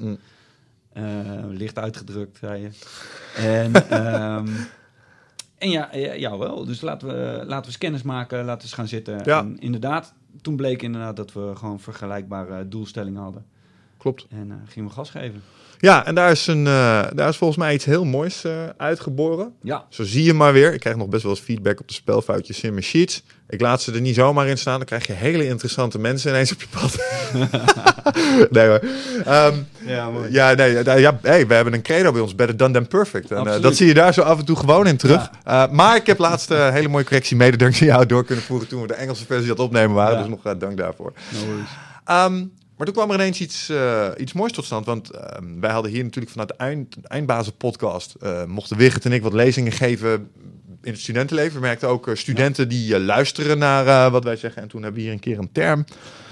is hier tot stand gekomen, dat heet Young Guns. Yes. En Wigert en ik wisten nog niet helemaal wat we ermee wilden. Ehm, maar we wilden er wel iets mee. Alleen het kwam op een of andere manier... Het, het waren die lezingen en we gaven deze podcast weg. Maar ik had toen inmiddels dat hele... eh, waar, waar die live crafting lezingen aan het geven was... 12 waves protocol... hadden we ook in een online leeromgeving gezet. En dat ding had ik gemaakt en daar zaten twee zomers in. En ik had er wel wat van verkocht, maar super eerlijk, niet ontzettend veel of zo. Dat ik denk van, er staat hier echt iets fantastisch, maar het wordt gewoon niet gebruikt. Precies. En, en dat is zonde, want daar zit al die kennis in die we inmiddels Absoluut. hebben verzameld. Ja. En, en daar moeten we iets mee. En ik had hier in, hier in de podcast inmiddels natuurlijk ook al gesproken met een aantal van de mensen die je benoemde. Um, een aantal komen eruit uit het onderwijs. Een aantal schurkten er tegen het onderwijs aan. Het viel me op dat iedereen had wel opmerkingen over waarom het beter zou moeten. Mhm. Wat er beter zou kunnen. Ehm, maar ik was telkens wel een beetje op zoek. Oké, cool. Maar wie gaat dat nu doen dan? En, en wat moet er dan precies gebeuren? Ja. Ehm, en bij iedereen, en bij mezelf inclus, eh, bemerkte ik een bepaalde terughoudendheid erin. Omdat ik had, oh, je zei het al, eh, Michel heeft ervaring in onderwijsland. Ik ben daar eh interimmer geweest. En ik moest daar met mijn persoonlijkheidstype me manifesteren tussen mensen waar jij juist omschreef met een bepaald persoonlijkheidstype. Dat is ook de reden waarom ik daar niet 100% uit de verf kom. Ik ben gewoon veel te frontaal daarvoor, veel te scherp, veel te direct. Eh, en je moet daar gewoon soms iets diplomatieker zijn, iets empathischer ingesteld. En daar hadden we eigenlijk gewoon een, eh, nou, een ander soort Michel van nodig. En die vonden we in jou, want jij bent ervarings, je kent dat onderwijsland. We Ja. wilden hetzelfde, want jij had die manco's, die werden geconstateerd, die had je, die had je ook gezien. Ja, En ik dacht, nou weet je wat, weet je wat ik ga doen? Eh, charitable mission, hadden we ooit gehoord. Het is goed dat je ook iets bijdraagt. Purpose-driven ondernemer, Kees Klomp. Ehm, Oké, weet je wat gewoon? We, hebben de meeste invloed misschien wel als we die studenten gewoon die skills gaan leren. En laten we het nou gewoon eens gratis weggeven. Aan die lui. Want we geven al lezingen en dat vinden we mooi. We geven die podcast weg. Dus laten we daar eens iets mee doen. Nou, en toen op een gegeven moment kwamen er een paar mooie eh, zeg maar, componentjes samen. En toen had jij iets waarmee je de markt eh, in kon. Ja. Toen in eerste instantie nog op het eh, HBO. Ehm, maar daar zijn een paar hele interessante dingen vervolgens eh, gebeurd. Dus vertel. Jij ging het onderwijsland in. Wij hadden elkaar gesproken. En eh, toen gebeurden er een paar dingetjes. Ja, er gebeuren een paar dingen. Ja, dat klopt. Ja, ehm, nou, allereerst gebeurde dat eh, doordat eh, eh, jij hier al heel veel mensen had gesproken, of Mhm. eigenlijk jullie hier al heel veel mensen hadden gesproken, dat er heel veel deuren voor mij eigenlijk al open stonden. Ja. En dat is natuurlijk fantastisch als je zelf hebt besloten van oké, shit, ik, dat was een van mijn laatste beperkende overtuigingen. Eh, op dat moment, ik zal er nu vast wel weer een paar nieuwe hebben ontwikkeld. Maar op dat moment was een van mijn laatste beperkende overtuigingen eh, zekerheid. Ja. Terwijl zekerheid past helemaal niet bij mijn persoonlijkheidstype. Mijn persoonlijkheidstype die wil avontuur. Ja. Dat weet jij. Ja. Je houdt je hart wel eens vast als ik weer eens op avontuur ga. Ja, ja, je bent inmiddels belangrijk geworden voor de organisatie. En dan verdwijnt hij weer voor een paar weken naar Zweden. En dan weet je niet waar die uithangt. Dus maar afwachten of die wel of niet is opgegeten door iets wat daar door die bossen schijnt. en dan komt hij weer terug en dan ben je weer blij. Ja. Precies. en ehm, wat ik dus, eh, waar, waar ik dus overheen moest stappen, was oké, maar eh, shit, hoe ga ik eh, zonder super duidelijk plan Mhm. eh, dingen doen in het onderwijs, terwijl ik ook nog gewoon eh, mijn baan behoud. Ja. ja, dat is een knoop doorhakken, dat is eh, niet je baan behouden. En ja, de leap. Dus ik nam de sprong. Vervolgens ben ik in een soort bubbel terechtgekomen met allemaal mensen die inderdaad hetzelfde idee hadden. Mhm. En ik vind het belangrijk om allereerst even naartoe te gaan. Oké, maar waarom is dat idee er? Mhm. Dus eh, waarom, waarom willen mensen die daar goed over na hebben gedacht, die expert zijn op hun gebied, waarom zeggen die er moet wat veranderen? Ja. Waarom is er vandaag een staking? En morgen? Ja. De reden daarvan is dat we steeds meer ons zijn afvragen, af gaan vragen waarom gaan er eh, A, mensen stuk? Mhm. Waarom krijgen we meer ontwrichting in de maatschappij? Ehm, waarom blijven mensen niet gewoon datgene doen waar we ze voor hebben opgeleid? Ja. Ja, dus uitval in opleidingen is ook enorm, of het switchen. En eh, dat werd, ah, op een gegeven moment is dat ook een beetje de norm geworden. Ja, maakt niet uit, gaat toch switchen. Ja. En dat is ook oké, weet je, dat hoort allemaal bij leren falen en zo. Maar waarom is dat nou? En ja, feit is dus dat het niet meer past, zoals ik dus straks al zei, bij eh, de, je wordt opgeleid voor een maatschappij waarbij alles op losse schroef, bijna alles op losse schroef is komen Mhm. staan. Niks is meer zeker. Zekerheid is een illusie. Waar zit hem dat in? Nou, dat zit hem in, in eh, de snelheid waarmee de maatschappij verandert. Mhm. Hè, eerst kwam de digitalisering, Ja. toen kwam de robotisering. Ja. Uh, en nu hebben we AI. Eh, Ja, en als dat door gaat, eh, gaat zetten, wat het gaat, want dat is unstoppable, Mhm. dan als ik Paul Smit moet geloven, eh, gaat 60% van de banen nog verdwijnen. Ja. Ja, dus wat voor burgers wil je dan opleiden?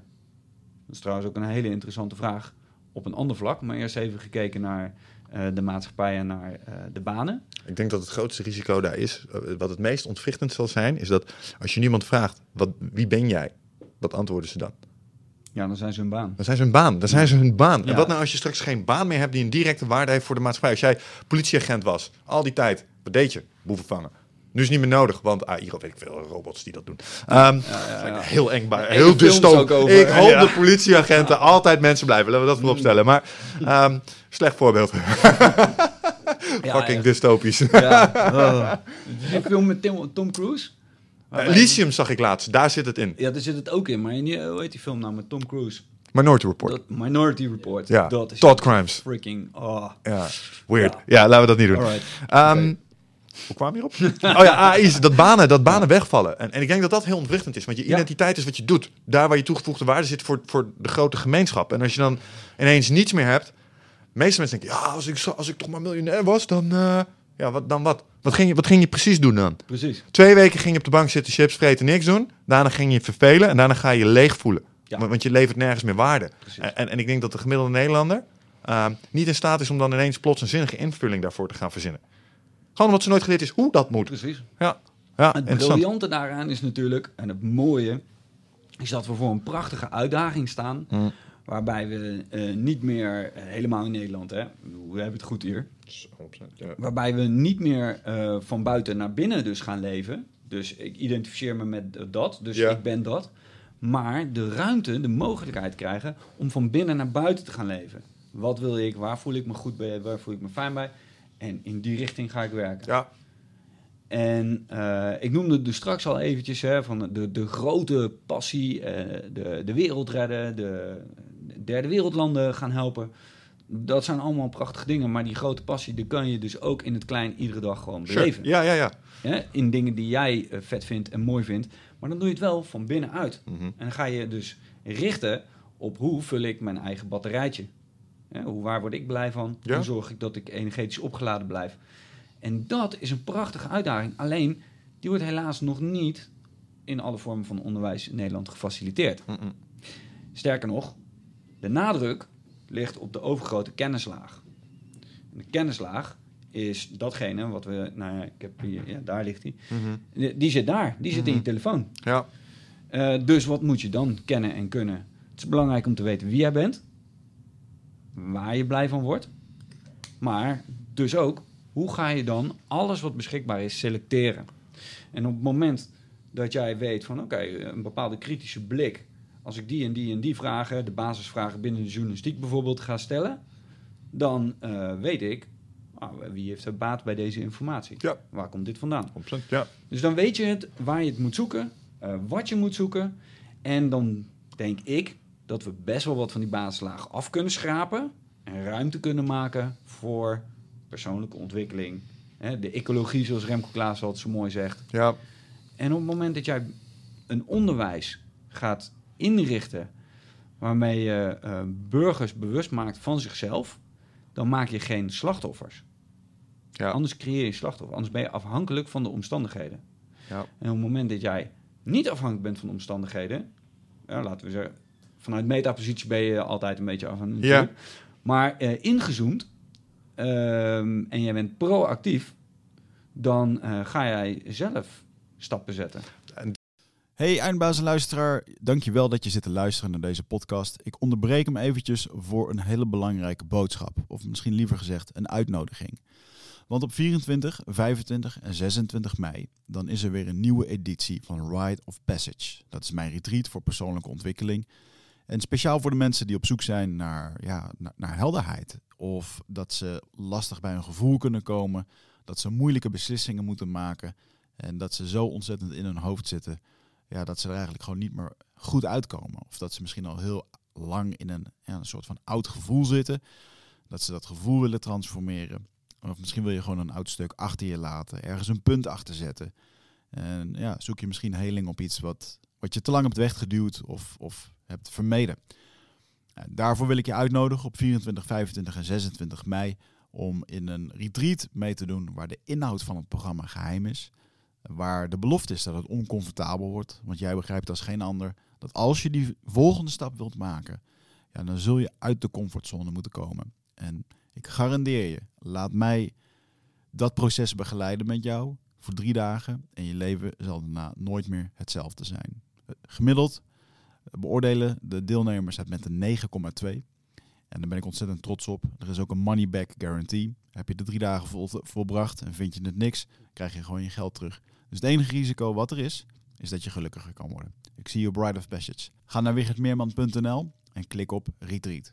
Dat is het, dat is het. Want ik denk als je de hele transitie zou, eh, die we moeten doormaken zou samenvatten, denk ik, denk, denk ik dat we van eh, onderwijs zijn gegaan wat heel goed was in je eh, vis geven.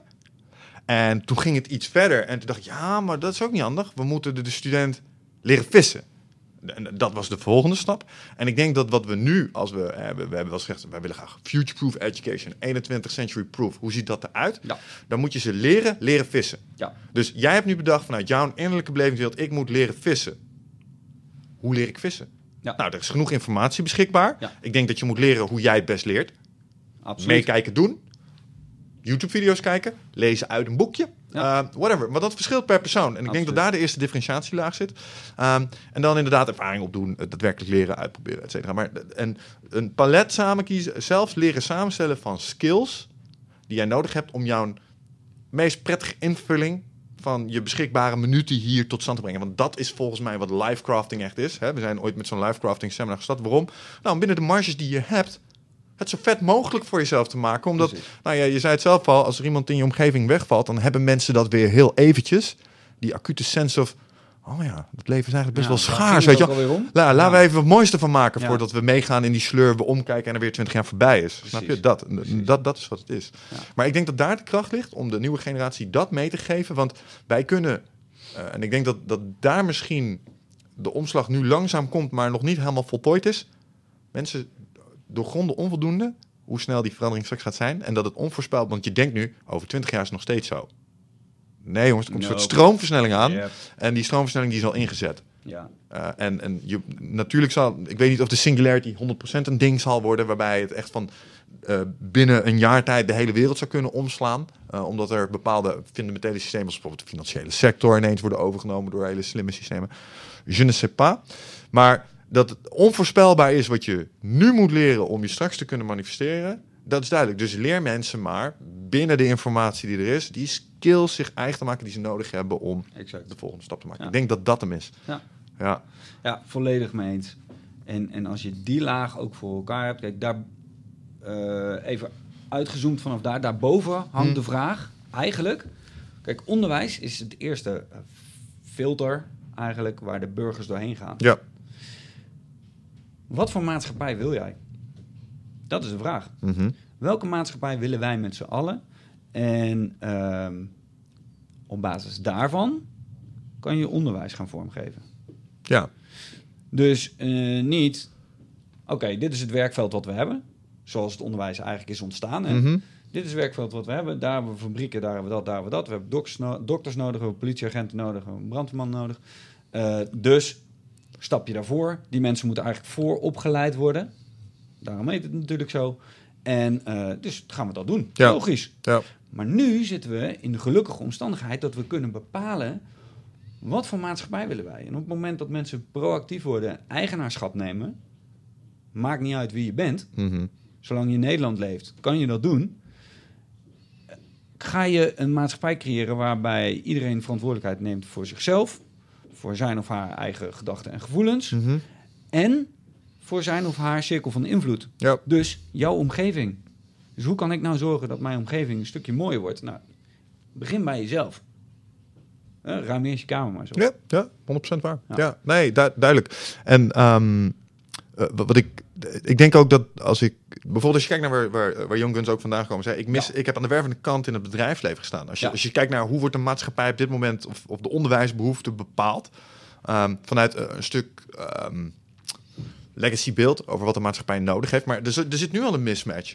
Als ik kijk naar wat ik nodig had en als ik dan afstudeerders in mijn team kreeg of junior ontwikkelaars of wat dan ook, ehm, geniaal inhoudelijk in wat ze doen.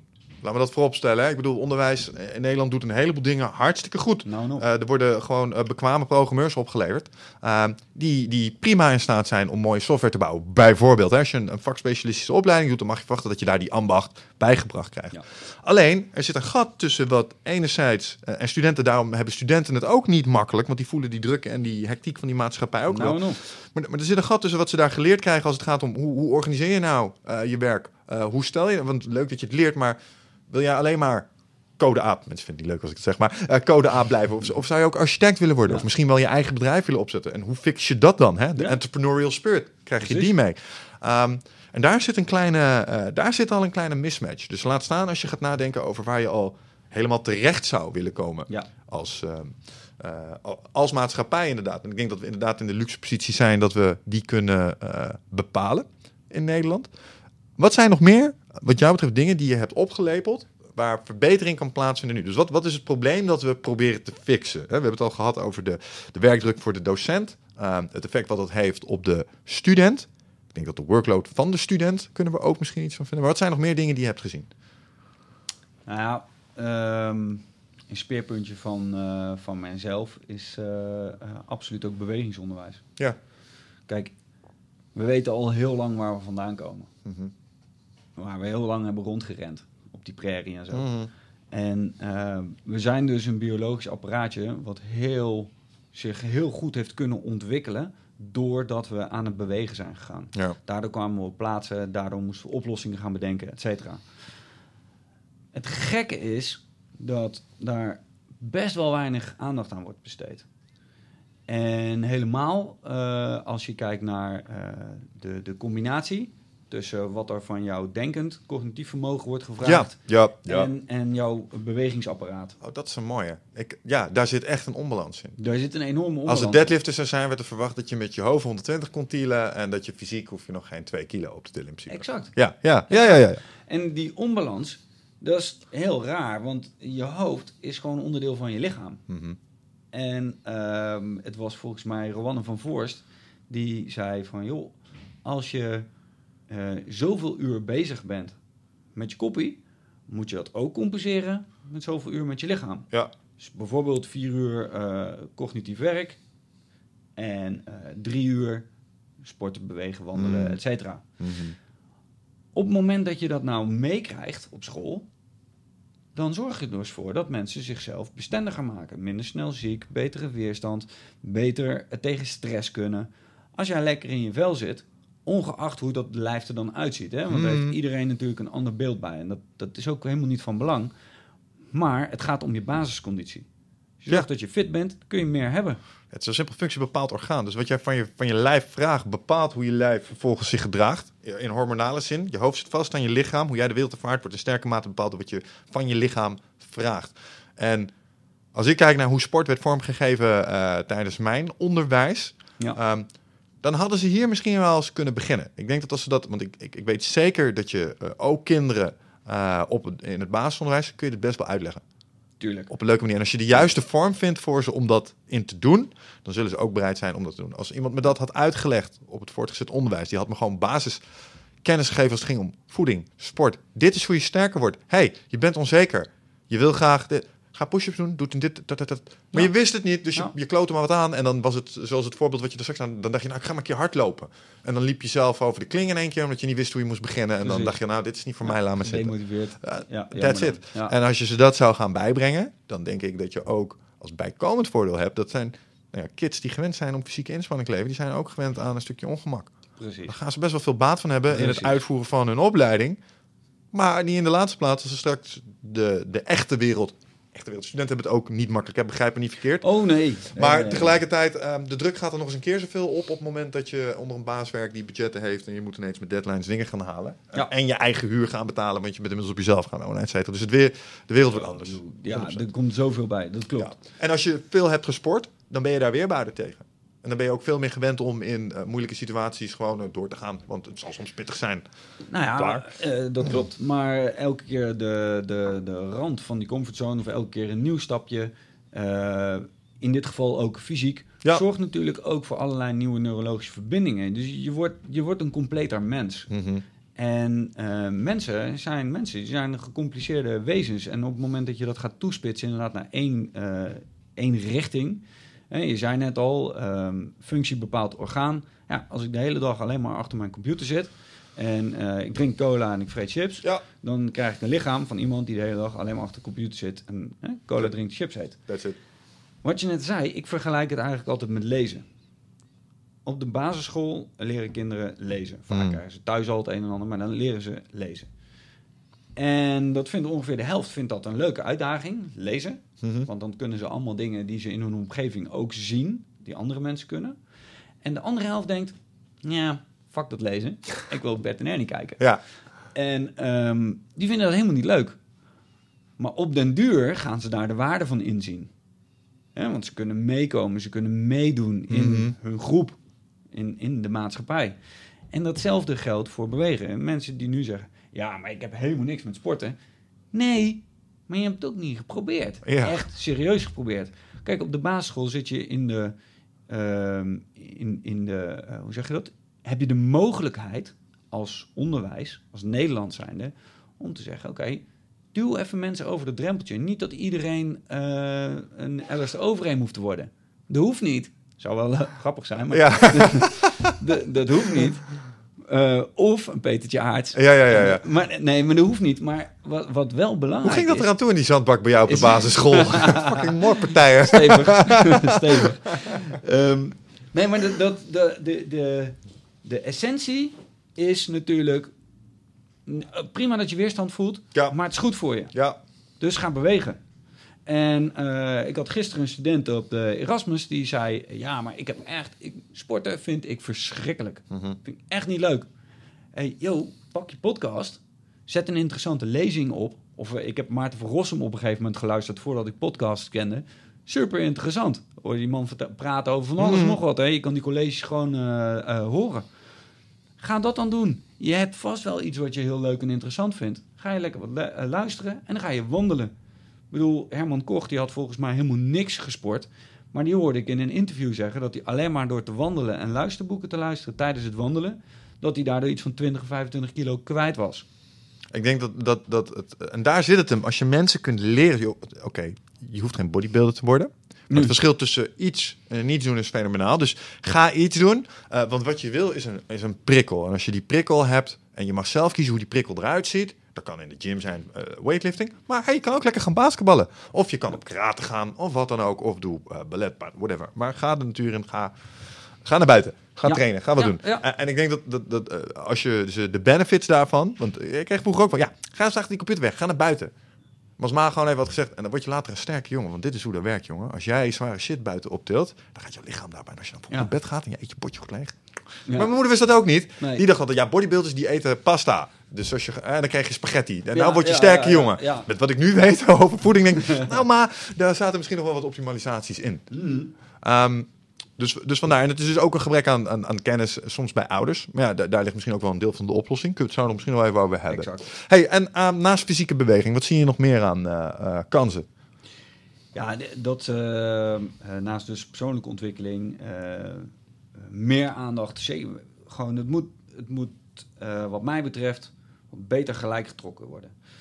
Eh, daarnaast zie ik eh, vooral ook heel veel kansen voor docenten. Mhm. Want nou, je, je noemde het net al, op het moment dat mensen niet geleerd krijgen. Kijk, eh, je zei, die docent heeft een voorbeeldfunctie. Ja. Maar wat nou als die docent uitstraalt, vermoeid, geen zin, ik heb te veel op mijn bordje, ik ga stuk. Ja. Maar die docent, die heeft dat kennelijk niet anders geleerd. Of die kan niet anders. Anders zou hij het wel anders doen. Dat hopen we dan.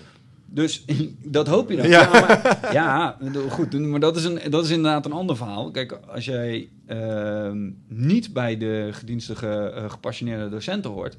Ja, dan moet je afvragen, wat is mijn bijdrage dan hier? Hè? Mhm. En daar kunnen we ook wel een boek over eh, opzetten, of een boom, of wat, wat, wat je ook opzet, kerstboom. Ja, Maar wa- waar het om gaat, ehm, docenten zitten heel veilig wat dat betreft in hun beroep. Hè, dus die contracten, dan weet je van als je ergens zeven zit, dan zit je in het onderwijs of ja. hè, ergens als regeringsambtenaar. Je zit, je zit goed. En daar zou je natuurlijk ook wat, eh, wat beter kunnen afvragen. Doe jij nog wel wat je hoort te doen? Maar die docenten moeten dat geleerd krijgen. Dus op opleidingen hebben we daar zeker ook echt een schone taak.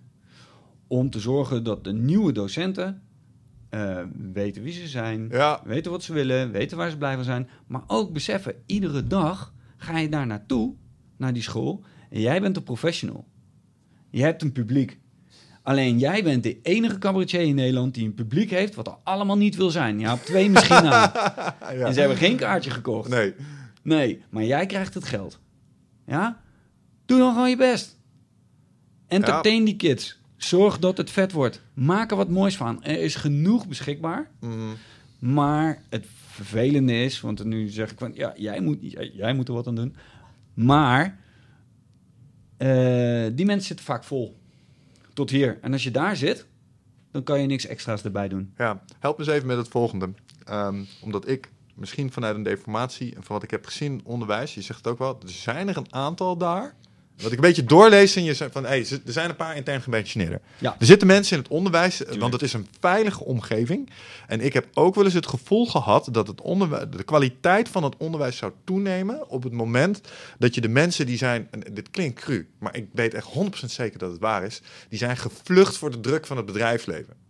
Snap je? Dus er zitten mensen in het onderwijs die dachten, ik ga dat niet redden, man, in zo'n eh, omgeving met deadlines en dat soort shit. Dus ik, ik ga daar naartoe en ik doe wat ik moet doen. En sweet cake job. Hè? Zo, Ja. zo, zo voelt dat. Zou kunnen. Zo ja. af en toe een beetje. En ik heb, ik heb mensen in, eh, ben ik gewoon in de werkelijkheid tegengekomen. Ik dacht, oh ja, je bent er zo in.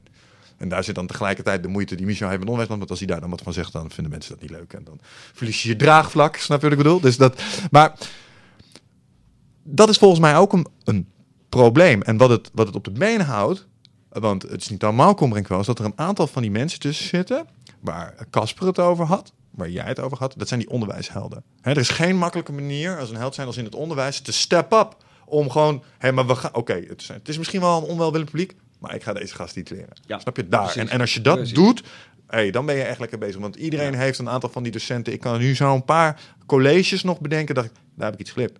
En daar denk ik nu nog steeds aan. Ja. Ja, ze- ze zullen straks ook nog wel over het basisonderwijs in dito, voortgezet onderwijs. Ja. zo. Dus, ehm, dus daar zit wel degelijk iets. En, en ik denk dat enerzijds docenten het geleerd moet krijgen in de opleidingen die ze moeten doen. En ik denk dat als je dat doet, gebeurt er iets heel moois. Want dan krijg je een nieuwe lichting met mensen met een nieuw normen- en waardekader. En die zullen, als het goed is, eh, dat oude, eh, dat legacy, eh, zeg maar, cultuur, mindset ding, als het goed is, de uitspoelen. Juist. Maar daarvoor moeten we wel gaan beginnen met deze kennis mee gaan geven, zodat je het, als ware, kunt uitfaseren. Want ja, onderwijssector is dermate soft, dat je ze er ook niet, want dat gebeurt niet. Als daar een niet functionerende docent is, ze worden er nauwelijks nooit van, hey, als ze in het bedrijfsleven zouden zitten, zouden ze er al lang en breed zijn uitgestuurd. Daar ben ik echt heilig van overtuigd. Ja, nee, maar daar mogen ze gewoon, zich gewoon lekker blijven manifesteren. Sterker nog, ze worden dan maar op klusjes gezet waar ze niemand al te veel voor de voeten lopen. Ja. Voelen ze zich nog een beetje nuttig. En denken, oh jongen, hoeveel, hoeveel geld gaat er hier door de play? Weet je wel? Dat, is, dat is pijnlijk. Ja, en wat voor klusjes komen ze dan? Dat zijn niet zomaar klusjes. Dat zijn ook klusjes die belangrijk zijn. Ja.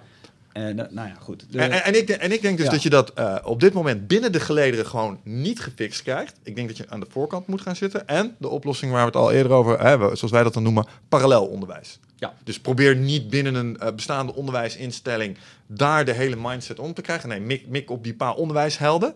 Zet er iets naast wat zij kunnen gebruiken in de uitvoer van hun werk. Want dan heb je veel meer kans dat je er binnenkomt. Want als je het van bovenaf of van onderaf in die organisatie opgetuigd probeert te krijgen, ben je twee, drie jaar, vier, vijf jaar verder. Dan heb je nog steeds niet iedereen aan boord. Kan en dan eh, sterft het al te zeker eh, dood al daar. Dat Dus- zou kunnen, ja. Dus ik denk inderdaad dat wat je zegt, dat dat klopt. Omdat dat enerzijds voor zorgt dat de nieuwe docent beter geëquipeerd is om ook eh, het rolmodel te zijn dat ze moeten zijn. En anderzijds, het flusht ook de slechte rolmodellen die er op dit moment ook rondlopen. ehm flusht het eruit als het goed is. Ja. Nou is daar natuurlijk wel een... Ik ben het met je eens. Oké. Eh, ja, ik wil er wel een kleine nuance in aanbrengen. Daarvoor mag jij Eh, onderwijsland doen. Ja. Ja, precies. Ehm, nou ja, ik ben ook wel redelijk uitgesproken daarin hoor. Alleen hierin, het is niet aan mij om te bepalen wie een goed of een slecht rolmodel is. Dus dat is, dat is altijd een beetje tricky. Alleen, docenten die ergens al heel lang zitten, en daar had ik met Paul Smit onder andere over, die zei ook, maak je nou geen zorgen om je baan. Ga nou niet hè, vanuit schaarste van, oeh, ah, ze hebben het over eh, dat de banen gaan verdwijnen, andere dingen doen. Maak je daar nog geen zorgen. Ga gewoon kijken op welke manier kun je wel bijdragen. Ja. Ja? Dus de mensen die eh, zich dan in één keer beseffen, mocht dat komen. Oké, ja, maar ik zou ook vanuit. Dus de, ke- de kennis wordt op de duur minder belangrijk, want die is overal beschikbaar. Mhm.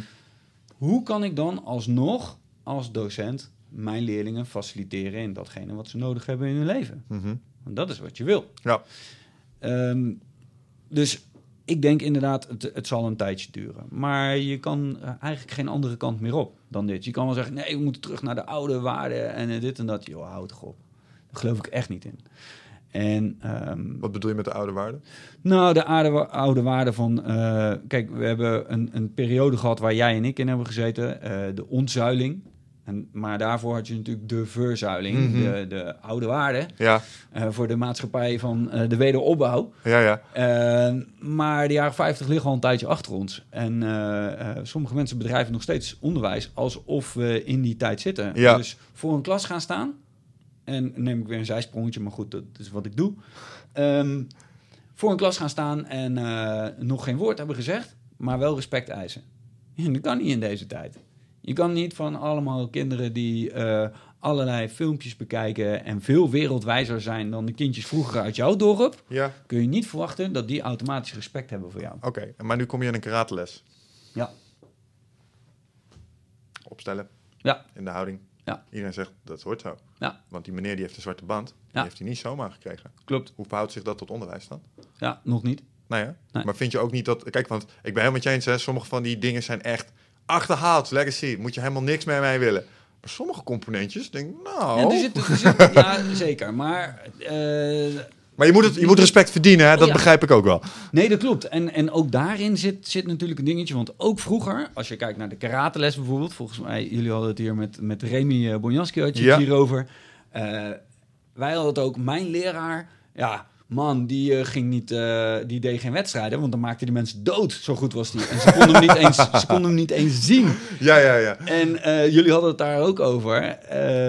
Maar op een gegeven moment komen de organisaties zeggen... weet je wat, we zetten al die gasten gewoon in een kooi... Ja. en dan gaan we eens kijken. En dan blijkt dus dat inderdaad al die... eh, dat dat helemaal niet zo De effectief is. pyjama-stijlen. Precies. de- Als jij op een vechtsport zit en je outfit lijkt op een pyjama... Stop ermee. Ja, gewoon, ja, weet je, een stomp op je neus, gewoon een stomp op je neus. Ja. En, eh, dus dat, de, ook daarin eh, zit, een, zi- zit wel echt een discrepantie. Ehm, terug naar dat verhaal van, van de oude waarde en van de docent. Mhm. Respect moet je verdienen, Eens. Vind ik. Ja. En, en dat moet je altijd. En als je blijkt dat jij bij een bepaalde sportschool zit en een zwarte band in die sportschool is ook echt een zwarte band. Want je hebt ook eh, hier, eh, laat eens een scheet en eh, trap eens een keer mis. Dan heb je zwarte band. Ja. Die heb je ook. Hier zeker. Precies. En dat is met onderwijs net zo. Ja.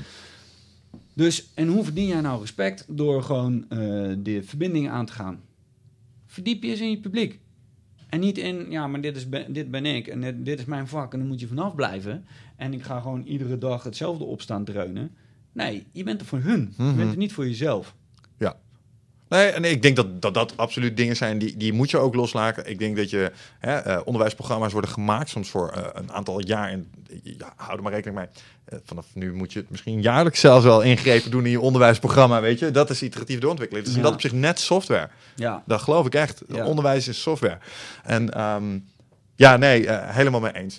Ehm, dingetje waar ik nog wel eh, iets van vind, eh, waar ik ook wel even benieuwd ben naar, jou, naar jouw mening. Ehm, iets waar we onvoldoende eh, kennis misschien over verstrekken aan studenten, omdat ik ze de meest zie worstelen, is ehm, de instant gratification. In die zin dat, hey, ik heb een vet plan voor een onderneming. Nou heb ik mijn businessplan geschreven. Of ik heb iets op poten gezet. Of ik heb een app gemaakt. Zie je student ook eens mee. Nu is twee weken later nog steeds geen miljonair. Wat fuck is dat dan? Weet je wel? Dus, dus de, de, ehm, dat Ja. sommige dingen gewoon echt tijd kosten... Ah, eh, voor ze van de grond komen. alles van belang kost tijd. Ja, nou dat dus. Alles van belang kost tijd. Ja. En, en dat geldt, nou, ja, dat is een soort kosmische wet. Ehm, alleen, ons hoofd, en die snapt dat niet. En ik denk dat we ze dat moeten leren, omdat Ja. de feedback die we momenteel krijgen van de meest gebruikte devices om ons heen, eh, is allemaal instant. Eh, je kunt mensen direct te pakken krijgen. Eh, laatst bestelde het pakketje, was dezelfde dag nog in huis. Dus je, je, je wordt ook geleerd door je omgeving van, hey, het kan zo. Alleen ik denk dat dat een, een, een groot punt van wrijving is. En dat zie ik zelfs bij mezelf, maar ook bijvoorbeeld bij, bij, bij Wigert, vooral in het begin. We wilden graag dat alles morgen af was. Maar soms hebben dingen jaren nodig voordat ze komen waar ze terecht Ja. komen. Ehm, en, en ik denk dat, dat een van de dingen waar we goed aan zouden doen, is, is iets verzinnen, waardoor we studenten ook dat leren. Ehm, omdat ze zoveel andere voorbeelden krijgen. Dus we zullen ze ook moeten gaan uitrusten met zelf ervaren voorbeelden, waarbij je merkt, hé, maar soms duurt iets een jaar, man. Dat is heel normaal. Bijvoorbeeld het feit dat een bepaald gedrag 66 dagen kost om überhaupt maar een begin van een gewoonte te maken. Ja. Ehm, oh, ja, dat is bijna drie maanden. Ja, Oh, oh, dat is best wel even. Ja, dus je mag er even over doen. Dus wees vooral niet eh, bezwaard als je het overmorgen nog niet onder de knie hebt. Want dat is de keerzijde van alles tegelijkertijd krijgen. De verwachting is ook dat je alles binnen no time kan. daar waar skills echt wel langer duren om te ontwikkelen. Ja. Ik denk dat we ze dat ook moeten gaan leren op Klopt. een of andere manier. Ja, Ja, ik, dan eh, kom je ook in het vaarwater van, eh, ja, ik noem dat eigenlijk altijd je belangrijkste superkracht, aandacht. Ja. Eh, aandacht is iets, je kan het eh, maar eh, op één moment in tijd uitgeven Mhm. aan één ding. En het is aan jou om te kiezen waaraan je dat uitgeeft. Geef jij je aandacht inderdaad consistent, dus in kleine stapjes of iedere dag of wat dan ook, uit aan iets in één bepaalde richting, ja. dan A, je traint je aandacht. Mhm. Dus je wordt er beter in, in dat aandacht zelf. En B, je gaat ook echt die kant op bewegen. Dan moet je inderdaad wel weten dat het kan. Mhm. Het vervelende is dat het tegenovergestelde is helaas ook waar. Op het moment dat je je aandacht niet traint, Mhm. dus je doet het tegenovergestelde van aandacht, uit, uitdacht. Ja. van aan ga je uit. Dus, uit, dus je, je traint je afgeleidheid door, Diffuus zijn. door continu bezig te zijn met reageren op alle impulsen die je voelt. Ja, dan ben jij zo reactief Mhm. dan eh, kun je je steeds minder lang concentreren. En dus leer je niet om stapjes te zetten in een bepaalde richting. Ja, hoe ga je dat nou eh, duidelijk maken aan mensen door eh, mensen, mentoren en voorbeelden voor te schotelen die ze vertellen, joh, het komt niet uit de lucht vallen. Ja, mensen waar ze respect voor hebben, omdat die mensen iets hebben gedaan wat zij ook willen. Ja. Of wat ze willen bereiken, of wat ze mooi vinden. En al die mensen, en dat is wel mooi dat je net ehm, Jordan Peterson ook noemde. Dat zijn mensen die heel duidelijk, heel wel bespraakt, heel goed onderbouwd kunnen uitleggen hoe je dat dan doet.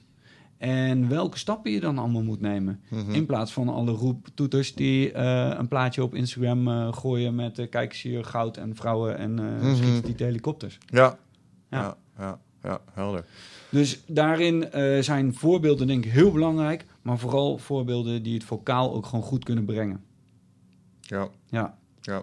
Nou ja, du- duidelijk verhaal. We, we hadden daar dus... Er was daar iets te doen. En, en Ja. het was iets wat we eh, in deze podcast tegen zijn gekomen. Je bent het nu actief gaan onderzoeken met allerlei specialisten op de vierkante centimeter. ja. Ehm, we gaan natuurlijk ook dingen wel goed. Hè? Laten we dat voorop stellen. We zitten in. Nederland, prachtig land. Eh, daarom kunnen we het hierover hebben. Het opleidingsniveau is Ja. hoog. Dat wil dus niet zeggen dat we niet kunnen blijven zoeken naar verbeteringen en proberen inderdaad eh, op de toekomst in te gaan spelen. Ehm, maar ik wilde, ik wilde hem toch wel even gezegd hebben, omdat ik vind dat met name, maar het, het wordt wel, de, de mooie dingen die je ziet, worden eigenlijk geïnitieerd en gedragen door mensen zoals jij. Dus die vanuit een echte roeping in dat onderwijs iets willen betekenen voor die leerling, voor dat kind of voor die student. Ja. En ik denk dat dat eh, eh, een onderschat. eh, ehm, nou, je zei het zelf al, er komen mensen op af met een overontwikkelend verantwoordelijkheidsbesef. Ik denk dat, dat de waarde van die mensen onderschat wordt. En ik denk dat het heel, heel belangrijk is om die mensen op een bepaalde manier te gaan helpen. Ehm, niet in de laatste plaats door hun studenten misschien bepaalde skills te gaan eh, leren. Dus nou, dat is in ieder geval het speelveld waar wij ons in zijn gaan eh, bewegen en waar we iets in wilden gaan doen. Precies. Nou, er zijn volgens mij een paar hele mooie initiatieven in ontstaan. Ehm, en, en een van de eh, dingen die ik in deze podcast had geleerd, toen we dat probleem spotten, was van, volgens mij moeten we in ieder geval, en dat was Harry Romkema die, die, die me dat leerde. Want die leerde, wat je, wat je tegenwoordig wil doen is dat, bijvoorbeeld, je hebt de leerlijn. hè, de leerketen, 4 tot 24 noemen wij hem. Dus vanaf het vierde levensjaar, natuurlijk zit daarvoor ook lerend vermogen in het kind, maar dan komt het in het onderwijs. Ja. Ehm, en dan hè, tot je 24ste, dan als je het helemaal netjes doet, misschien iets later voor sommigen, eh, dan rond je HBO af en dan eh, join je de workforce. Ehm, en, en daar heb je een aantal eh, niveaus in. Of je mbo. Of je MBO, uiteraard. Ehm, maar daar heb je een aantal niveaus in. Dan doen we verschillende dingetjes in. Op verschillende niveaus heb je Ja. Verschi- verschillende zaken lopen. Maar de, de les was in ieder geval... zorg ervoor dat je niet heel goed wordt in alleen dat, dat stukje voor vierjarigen... of voor het basisonderwijs. Nee, zorg dat je in die hele keten iets doet. Eh, en dat je betrokken blijft op al die fases. Want daar zit de meeste kans op, op ehm, bestendigd eh, gedragsverandering. Dus als je ergens iets wil optimaliseren, zorg dan dat je in, al die in die fase en al die stappen in de keten Ja. iets van waarde levert. Ja. Want dan kun je ervoor zorgen dat er een soort consistentie in komt.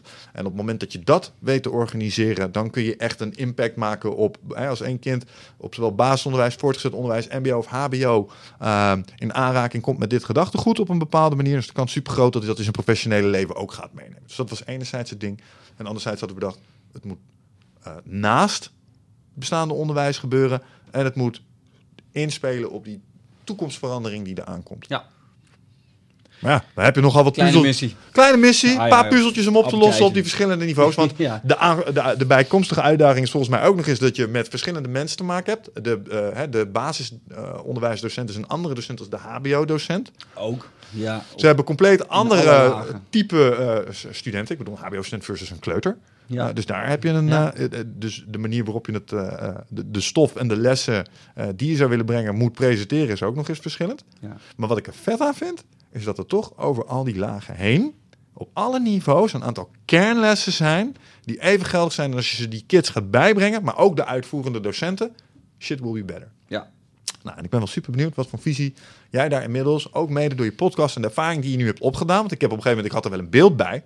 Maar ja, hey, op een gegeven moment gezegd, hey, ik denk dat jij de beste bent om dit te gaan doen. Ehm, nou, daar ben je inmiddels wel wat stappen in verder. Dus ehm, praat me eens bij. Dat is redelijk hard gegaan. ja, dat show. ging mooi, ja. Ja, maar dat, dat krijg je dus, eh, dat heb je zelf ook ervaren. Op het moment dat je dingen gaat doen die eh, zo dicht bij je hart liggen, dan Mm. eh, krijg je met nieuwe gevaren te maken. Want dan is je energie lijkt haast onbeperkt. Dus dan Ja. is het ook een soort van afbakenen. Maar er gebeurt van alles. Wat, kijkend naar eh, het onderwijs, eh, wat ik natuurlijk continu doe, in het deel waar jij het nu over hebt. Dus hoe ga je nou zorgen dat je je steentje bijdraagt? Mhm.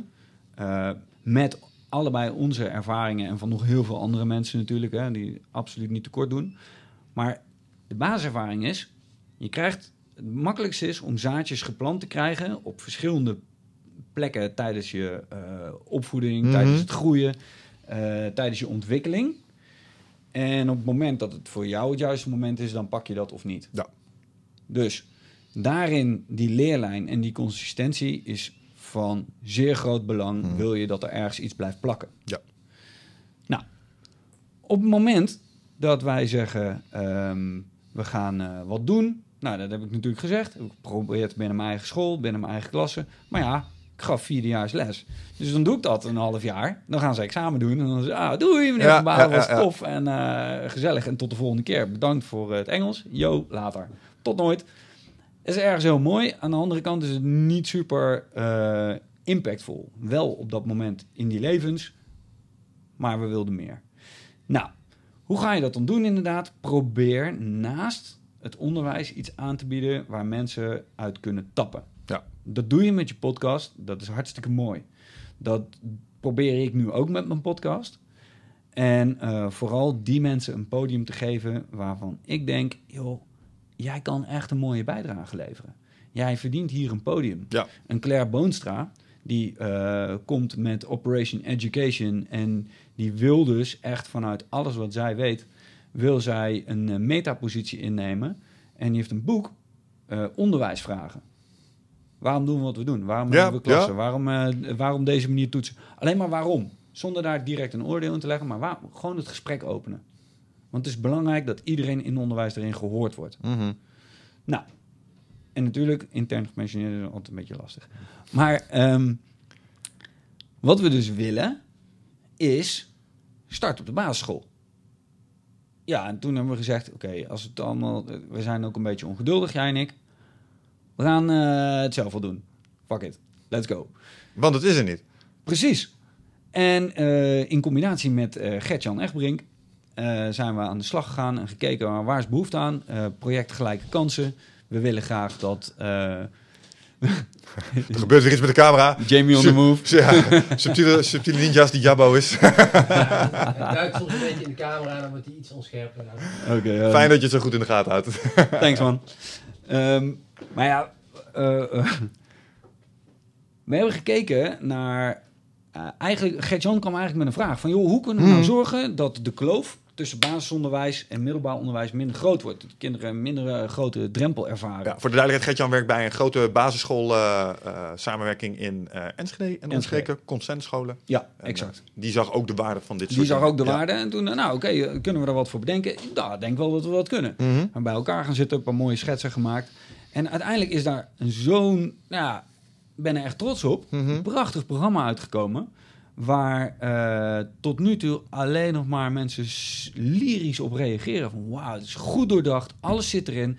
Nou, wat zit er dan allemaal in natuurlijk? Hè? Daar Hoe heet het? De- willen we zo graag weten. Ja, ja, natuurlijk. Het heet eh, De Heldenreis. En eh, dat is op basis van De Heldenreis, zoals beschreven door Joseph Campbell. En ehm, wat de leerlingen gaan doen, eh, groep 6, groep 7, groep 8. Mhm. eh, voor het lagere, eh, of de, jong, de jongere jaren wil ik ook nog wat bedenken, maar dat zit allemaal in We de zitten nu in pijpleiding. 8 tot 11. We Ja, we willen nog zitten nu 4 in tot 8 tot 8 11. willen we ook. Ja. Exact. Ehm, ze gaan op heldenreis met mij Mhm. of met een van mijn trainers. Ja. En een heldenreis duurt een dagdeel. En dan komen wij op school en dan gaan we niet zoals de programmaatjes die ik op mijn middelbare school wel eens voor mijn neus kreeg. Van hier, oh, we gaan, eh, hebben nu dit besloten, want eh, dit is belangrijk. Eh, hier heb je een boekje en doe het maar. ja. Ja, gast, ik heb druk. Of, oh, wat leuk, ik heb er zin in. Zoveel verschillende reacties kan je krijgen. Dus de ene docent die, die, die draagt het echt uit. En die leerling denkt, wauw, dit is echt mooi, wat tof. Een docent, oh, een mooi programma. En de andere denkt, ja, maar ik eh, zit eh, tot hier. En eh, mevrouw loopt te zeiken en dit en dat. Mhm. En mijn auto is stuk. Dus hier jongens, heb je het boekje? Ga maar aan het werk. Ja, doei, wegprogramma. ja. Dus om het te borgen is dat wel belangrijk. Dat je mensen hebt die enthousiast zijn, Mhm. die het kunnen dragen. En toen zijn we gaan kijken naar elkaar, maar wat ontbreekt er dan? Hoe leer je nou falen? Waarom is dat zo belangrijk om te Mhm. leren falen? Ja, omdat je dan stappen gaat zetten. Dan leer je namelijk het hardst. Ja. Het best. En eh, hoe leer je nou omgaan met emoties? Waarom moet iedereen last hebben van jou op het moment dat jij een pestbui hebt? Dus dat hoeft niet. Mhm. Mag wel. Ja, Maar hoeft nee, niet. nee, dat- ja. Ja. En vervolgens, ehm, gedachten. We weten nauwelijks wat gedachten zijn, maar ze zijn continu aanwezig. De dingen die wij hadden willen leren op school is, joh, je hoeft dat niet allemaal serieus te nemen. Dingen die in gedachten voor, bijvoorbeeld heel erg spelen, zijn dingen als eer of eh, wat dan ook. Ja, wat, wat zeg je over mijn moeder? Hier, bam. Hmm. Maar nee, denk eens na. Weet je, wat maakt het nou uit wat iemand roept? Vervolgens, weerbaarheid. Want het is gewoon aangetoond dat heel veel mensen helemaal niet meer weten hoe het voelt om aangeraakt te worden door iemand anders. Mhm. Nou, en op scholen is dat natuurlijk een tricky ding. Maar je kan prima die kinderen met elkaar een beetje laten sparren. Mhm. eh, in een gecontroleerde omgeving. Mhm. Dat ze weten van, oh, maar ik val helemaal niet in stukjes uit elkaar. Nee. Omdat eh, ik een duwtje krijg of, eh, ja, Er is nog nooit een kleuter niet beter geworden van een bare-knuckle MMA-wedstrijd midden in de klas. Hoezo? ja, zo vreemd. ja. Nee, geintje. Ja, nee, maar je kunt ze spelende wijs gewoon leren om Absoluut. fysiek weerbaar te zijn. Absoluut. Ja. En, en dat heb, heb ik zoveel mogelijk geprobeerd om in dit programma te zetten. Dus en dat soort zaadjes planten. Joh, overleeft het wel. Komt wel goed. Eh, maar vooral ook doe het. Het is heel erg op basis van eerst ervaren. Een oefeningetje, opdrachtje. Ja. Rennen, springen, springen vliegen, gek doen. Eh, probeer maar iets op te lossen. En als je er niet uitkomt, ja, hier ben ik. Dan ga je vragen. Ja. Je gaat eerst proberen, dus je gaat eerst de ervaring opdoen en daarna geven we je de uitleg. Nou, zo, zo, zo, zo werkt het. En nou, daar zou je dat of dat mee kunnen doen. Ja. En eh, zo lopen ze de hele heldenreis door, waarbij ze gaan kijken naar... Nou, wa- waar ben ik nou eigenlijk goed in? Wat kan ik? Eh, ik mag misschien wel, eh, word ik uitgelachen, omdat ik drie pirouetjes achter elkaar kan op één been. Hè, als Davidje zijnde. Maar kan het wel fucking goed. En op andere plekken krijg je er een applausje voor. Exacte mundo. Ja. Sterker nog, je kan er geld mee verdienen. Maar, eh, en, maar ook, wat zijn nou mijn uitdagingen? Er zit een opdracht in waarbij je gaat kijken naar je eigen uitdagingen. En dan noem ik een aantal dingen die van mezelf Hmm. enorme uitdagingen waren. Spreken voor het publiek bij- bijvoorbeeld. Zou je nu misschien niet meer zeggen Ja. als je me voor klassen ziet staan. Maar als kind Oh jongen, ik sloeg helemaal dicht. Spreekbeurt houden. En dan ging ik het hebben over Greenpeace. En dan stond ik daar. Eh, Greenpeace heeft een grote groene boot. ja, precies. De Rainbow Warrior is gezonken. Ja. Nee, maar eh, dat, het was allemaal, eh, allemaal van dat soort dingetjes. Ehm, als jij een angst hebt Mhm. om te spreken voor een groep, ja, dan kan je daar je leven lang voor verschuilen. Maar er komt een dag, dan zegt iemand: hey, wil je dat even doen? Mhm. En dat kan voor jou heel veel voortgang betekenen. Dus waarom ga je dat er niet opzoeken? Dus je brengt je uitdagingen in kaart. Vervolgens ga je in de klas op zoek naar iemand die goed is in jouw uitdaging. Die heeft skills. Ja. Zeg je, hey, maar jij bent er goed in. Eh, Michel, leg mij eens uit in vier stappen hoe ik dat dan kan doen. En dan niet in vier stappen van, nou, je gaat staan, je gaat praten. eh. Nee, maak het de eerstvolgende stappen zo klein mogelijk. Zodat ik dat wel durf. En dan een volgende stapje, net zoals met hoogtes. Ja. Is een volgende stapje. Oh, eh, meneer, ik durf op mijn kruk te staan. Oh, meneer, ik durf op mijn tafel te staan. Ja, super vet. Allemaal ook gewoon doen. Ja. Soms staat er groepsleerkracht naast je. Nee, chaos. Maar dat is mooi. Aansprakelijkheid.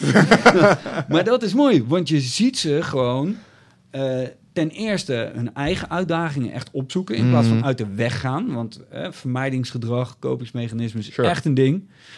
En daarnaast zie je ze rondkijken van, ja, maar ik vind eh, Fred misschien een sukkel, maar eh, Fred die kan dit wel gewoon heel goed. En als Fred dat er dan ook nog eens uitlegt, krijg je gewoon respect voor Fred. Mhm. En dat is zo mooi om te zien. En dat merkt Fred ook. En dat merkt Fred ook. Ja. Fred groeit. Juist. En eh, nou ja, samenwerken zit erin.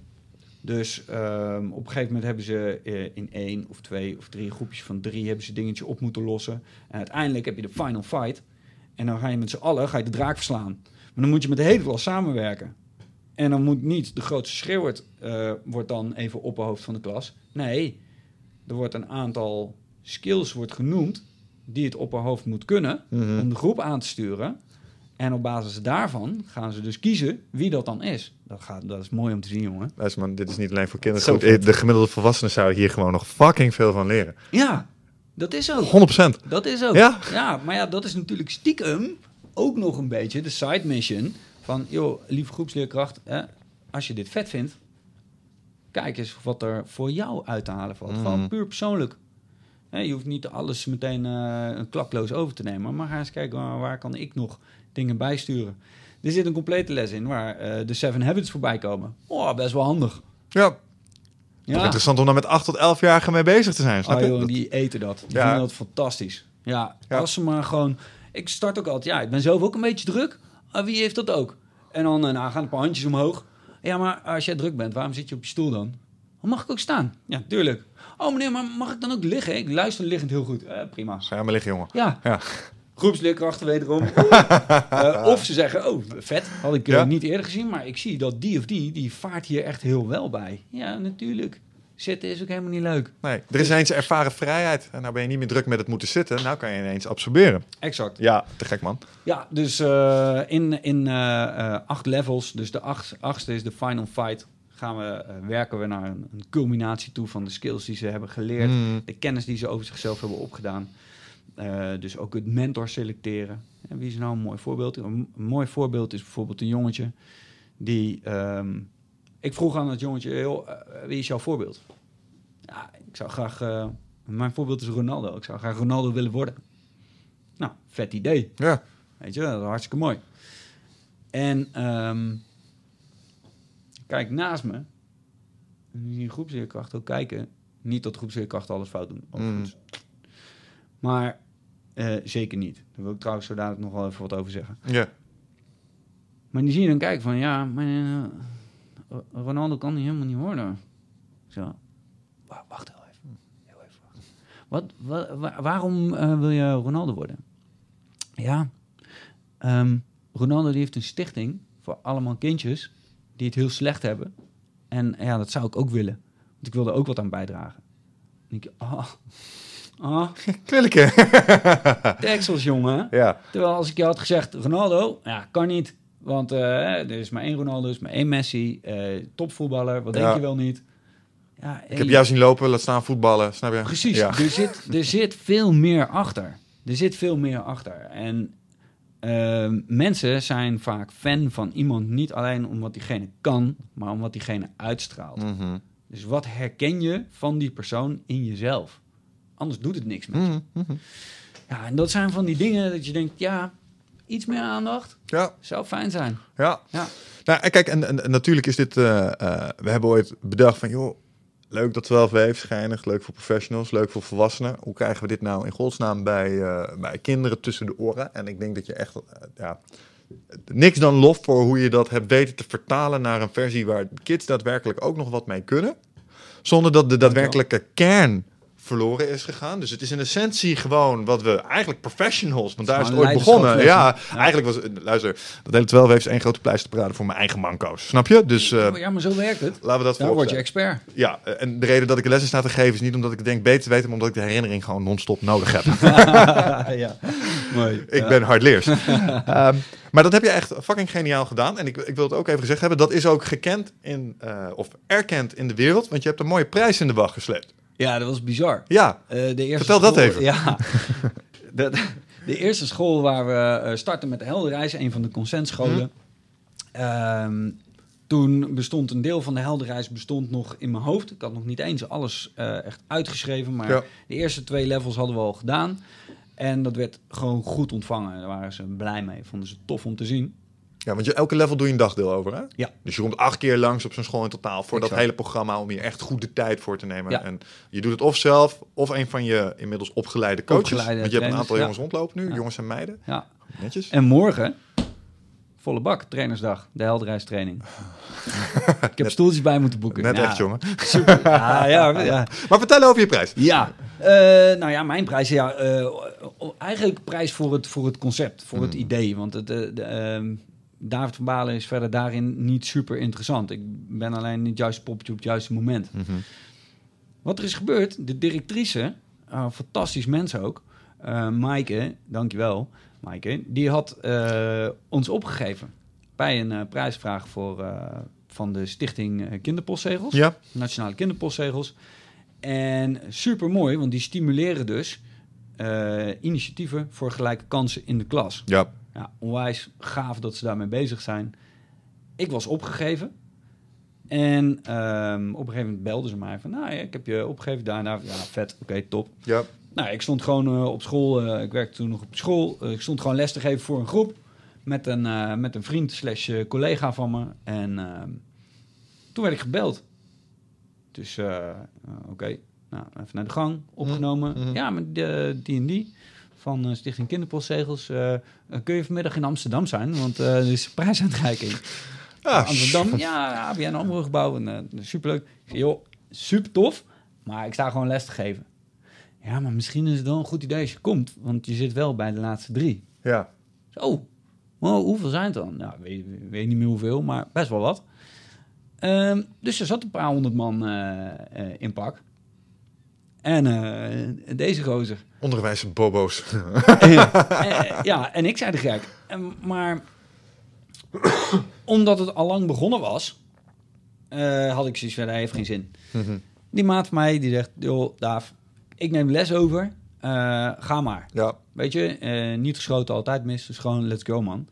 Oké, ik in mijn kloffie daar naartoe. En ik kom daar en kom binnen. Ik zit, ik zit er denk ik net een half uurtje. Eh, en toen hadden we, ja, de eerste prijs. Hè? Wat? Geweldig. Ja, en eh, is maar goed ook hoor. Want eh, ik vond het best wel spannend. Ja. En da- dan was ik echt nog zenuwachtig geworden en zo. Nu had ik niet eens tijd om Ja, ja, ja, te worden. ja, ja, Ik was ja. er gewoon Niet, geen, niet eens betrokken bij de uitkomst, was leuk geweest. Maar, ja. daar zijn we dan. En eh, nou, eh, een, een fantastische, mooie eh, financiële injectie gekregen Ja. om het project te stimuleren. Waardoor ik dus inderdaad ook trainers kan opleiden. Ja. En eh, tegen eh, korting een aantal scholen heb kunnen aanbieden. Mhm. Ja, dat is echt fantastisch om, eh, om, om zo'n jumpstart te krijgen. En, en in wat voor een... eh, ehm, als je, wat, wat, wat was nummer twee en nummer drie? Weet je Zo, goede vraag. Weet je niet meer. Nee. Nee, nou, ik was even benieuwd naar wat was hetgene wat- Vette dingen ook. Ja, ja, daarom. Want er zijn een aantal vette initiatieven. Dus de, de, ik weet nog dat ik dacht van... Oké, nou, dat is toch cool dat we het daar eh, van hebben weten te winnen op een of andere manier. Als je van winnen kan spreken, want elk van die projecten die wordt uitgerold is, winst voor onderwijsland. Laten we dat voorop stellen. ja. Want er zijn een heleboel slimme mensen ook met eh, initiatief bezig. En ik hoop dat ze allemaal slagen. Ehm, Ja. En laten we daar, trouwens, dat is een call to action voor mensen die daarmee bezig zijn. Als we de handen in één kunnen slaan. eh, Wij zijn niet vies van Not Invented Here Syndrome. Dus wij, wij kijken graag hoe we kunnen leren van anderen. Ehm, maar op welke gronden had je die prijs gewonnen? Want zo'n Stichting Kinderpostzegel, die, die kent dat speelveld best wel goed. En die ziet dit initiatief en denkt, maar dit is hem. Ja. Waarom was dat? Nou ja, het ging dus om gelijke kansen voor de klas. Eh, voor kinderen in de klas. Waarbij dus eh, wordt gekeken naar eh, hoe zorg je nou dat, dat je vanuit jezelf de verbinding maakt met je klasgenoten. Dus dat, er, dat iedereen ehm, nou ja, het respect krijgt wat ze verdienen is misschien wat overdreven. Maar dat de kinderen in de mogelijkheid worden gesteld of het soort onderwijs krijgen waardoor ze zelf eh, iets zekerder worden en betere stapjes kunnen zetten. Het gaat om zelfrespect. Ja, zelfrespect, zelfvertrouwen, Ja. eh, le- leren initiatief nemen wordt geen... wordt- Autonomie? wordt nog, ja, autonomie. mooi Weer, weerbaarheid. Gewoon je eigen... Autonomie weerbaar wordt, Ja. wordt nou geen dood vogeltje. Want je wordt, ja, weet je, je waait met alle winden mee. En uiteindelijk ben je nergens gekomen waar je wilde komen. Want je had niet bepaald welke haven je naartoe wilde. Nee, en dat is ook precies wat je geleerd wordt om wel te doen namelijk. Ja. Vanuit het oude onderwijs dan, hè? Exact. Dus oké, ja, mooi. Te Ja, gek. Ja. Dus de, de, dat was eh, eh, een enorme opsteker. Ehm, de exposure was natuurlijk eh, heel fijn. En, ja, en toch ook gewoon eer. Ja. Qua eer voor het werk. Ja. Vertel even iets over je nieuwe team. Want je, je bent, de de reden dat ik onder andere met jou ben gaan samenwerken, is niet in de laatste plaats. Natuurlijk, de match Michel Onderwijs eh, is er één, maar ook niet in de laatste plaats omdat ik zelf op andere eh, fronten gewoon eh, ook nog wat Mhm. strijden uit te knokken had. Dus ik, had, ik had hulp nodig. Nou, Ja, geniaal dat jij, dat jij dat kan doen. Maar jij bent zelf inmiddels ook je eigen team aan het bouwen. En ehm, ja, dat zijn natuurlijk ook, ik denk, een soort gelijk DNA. Kun jij even iets over ze vertellen? Is leuk ook voor hen, denk ik. Maar Ja. wat voor mensen komen hierop af? Ja, so far. Eh, precies het type mensen waarvan ik hoopte dat ze erop af zouden komen. Ja. Dus dat zijn mensen die eh, eh, ja, binnen, misschien wel binnen onze bubbel zitten. Mensen die ehm, een jonge inborst hebben. Dus niet per definitie jong zijn. Want ja, wij, Jong van geest. let's face it, wij zijn natuurlijk ook Hey, niet meer... over die, nee, daar gaan we. Nee. Eh, De afgelopen twee podcasts is dat al voorbij gekomen. Dat gaan Oh, we ja. die nog een keer Oh. aanboren. ja, boys, mijn midlife crisis helemaal zat. Damn, homie. Ja, nee. ehm er zit maar zeven maanden tussen, toch? Eh, Tussen, ben jij 39 en eh, En een beetje? Ja, oké. Ja, zeker. Ja. Ik wens je veel succes. Ah ja, komt goed. komt goed. nee hoor, sorry. Nee, no worries. Maar eh, wel, me, eh, kijk, eh, Martin is, eh, is, is eh, mijn, ehm, ja, mijn go-to guy op dit moment. Ja. Eh, nou ja, op dit moment, Martin is sterk de man. Eh, hij eh, is aan het afstuderen. Ja, Dus eh, die is niet bereikbaar. Maar waar, waar komt het op neer? Ehm, dit, op, op dit moment, eh, Martin, Saskia, Nijske zijn eh, mensen met een eh, jonge, energieke inborst die zien dat er wat moet gebeuren. Mhm. Die willen, nou ja, vooral Saskia heeft veel ervaring in het onderwijs, doet ook nog dingen in het onderwijs, maar die vinden het gewoon heel belangrijk om die afwisseling ook erin te houden ja. en dit soort programma's aandacht en tijd te geven. Omdat zij eh, vanuit haar positie ook echt de waarde inziet voor dit, Ja. dit soort programma's voor het onderwijs. Martin, die heeft eraan geroken met zijn stages aan eh, het onderwijs. Die zegt, nou ja, dit is niet wat ik continu zou willen doen. Ehm, even een kort zijsprongetje vanuit eh, Martin. Sorry Martin, ik zal je zo meer veren in je reet steken. Ik ben een fantastische gast. Maar dat is natuurlijk, dat is ook een dingetje. De pabo's, die, eh, het is niet voor niets dat bijna iedere basisschool waar ik kom, dat de, de koffiekamers vol zitten met dames. Mhm. De pabo's zijn niet echt een stimulerende omgeving voor jonge, stoere rolmodellen, mannelijke rolmodellen. Om eh, Jordan Peterson maar even te quoten dan. Hè. Ja. Eh, en dat hebben we gewoon wel nodig. Onze jongetjes op de basisschool hebben ook gewoon mannelijke rolmodellen nodig. En pabo's zouden daar, en ik weet dat ze ermee bezig zijn, of in ieder geval een aantal zijn er echt mee bezig, want het is natuurlijk een ding.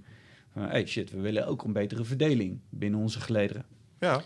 Ehm, dus, dus daar eh, valt nog wel wat winst eh, te behalen. Zijn er mensen die erover mee willen praten, mee willen denken? Eh, bel me of mail me. Mhm. Heel graag. Maar Martin, die heeft... Rest in, rest in peace your inbox, by the way. Ja, gelukkig heb ik een nul e-mailprotocol. ja, ja, ja dus daar kom je wel uit. Ja. nee, Martin die, die heeft dus zoiets van, oké, maar dit vind ik vet. Hij had eh, op de Pabo eh, les van een docent. En die docent is Jori Tolkamp. En Jori Tolkamp, eh, ik weet niet of ze dat nog steeds doet of dat zij inmiddels weg is. Maar die kende ik dan weer via Gertjan. Ja. En die heeft gezegd, deze gast, die is, dat is echt een soort eh, Stephen Covey-adept. die eh, is heel proactief, denkt in win-win, is enthousiast. die, die, ja, dat is echt een, een parel. Ja. Nou, en zo heb ik Martin ook leren kennen. En die heeft dus een, eh, zijn eerste uh, helderreis eh, traject gedaan. En uh, super tof. Ja, mooi. Schoolenthousiast. Uh, we hebben er ook wel echt wel een beetje uh, wat reuring uh, gekweekt door ons uh, programma. Mensen, oeh, kan dit wel en kan dat Mhm. wel. Hey, laat maar eens gewoon gebeuren. Het is dan misschien weer iets meer de mannelijke kant, hè. Laat maar gebeuren in plaats van, eh, jongens, niet stoeien, want dan raak je misschien eh, gewond Mhm. of zo. Jongens moeten dat doen. Die moeten die pikorde gewoon een beetje vaststellen Ja. soms. Ehm, dus, Martin, wanneer je klaar bent met eh, diploma halen, zie ik je heel graag snel terug. En dan gaan we mooie dingen doen. No pressure, maar rap een beetje. Ja, maar dus, eh, kijk, het, het, eh, profiel, mensen die hier de waarde van inzien, eh, die graag steentje willen bijdragen. En ehm, die ook, want dat is wat we dus zien, de docenten even een beetje willen ontlasten. Ja. En dat is niet heel onbelangrijk. En Nee. dan maken we even de sprong naar basisonderwijs, wat ik net zei. Die groepsleerkrachten, niet normaal wat die allemaal op hun bordje krijgen. ja, ja. En aanvankelijk, dat was een mooie opmerking van Jori. eh, in het onderwijs willen we altijd alleen maar meer. We willen meer. Mhm. Meer erbij. Ja. Maar misschien zouden we eens wat minder moeten willen. Eh, als het gaat om een, nieuwe dingen erbij. Maar zouden we dus moeten gaan kijken wat kunnen we afstoten. Ja, het is we- stapelen, maar dat is Precies. unsustainable. Precies, Ja. het is unsustainable. Je, je, je moet ergens wat afstoten. eh, en of eh, iemand daarbij die zijn eigen expertise heeft, of iemand uit de ehm, community, hè, uit de, de gemeenschap, Mhm. die een bepaald eh, expertise heeft, zodat die de vakleerkracht een beetje kan ontlasten. Eh, en dat is ook waarom ons programma, we bieden drie eh, pakketten aan. Mhm. Eerste pakket is gewoon, nou, hier is puur alleen kostprijs. Ga maar kijken. Doe Doe maar. je ding. Ja, Doe je ding. Ja, dat is puur op basis van, nou, ik zou het graag overal in Nederland willen zien. Want dan maken we onszelf overbodig. En, en dat is eigenlijk alleen maar goed. Want dat betekent dat het eh, ingebed is. ja dat het geslaagd is. Dat het Dan kunnen we is. stoppen. Ja. Exact. Ehm, maar goed, dat, eh, dat raakt natuurlijk niet de filosofie van... eh, ik wil dat het alleen maar door gemotiveerde mensen gedragen wordt. Mhm. Dus eigenlijk heb je dan net te weinig informatie om het fatsoenlijk te kunnen doen. Tweede pakket, eh, wij trainen wat docenten en die gaan het doen. Dus dan kunnen we direct ook selecteren. Ja. Derde pakket is het enige pakket wat verkocht is.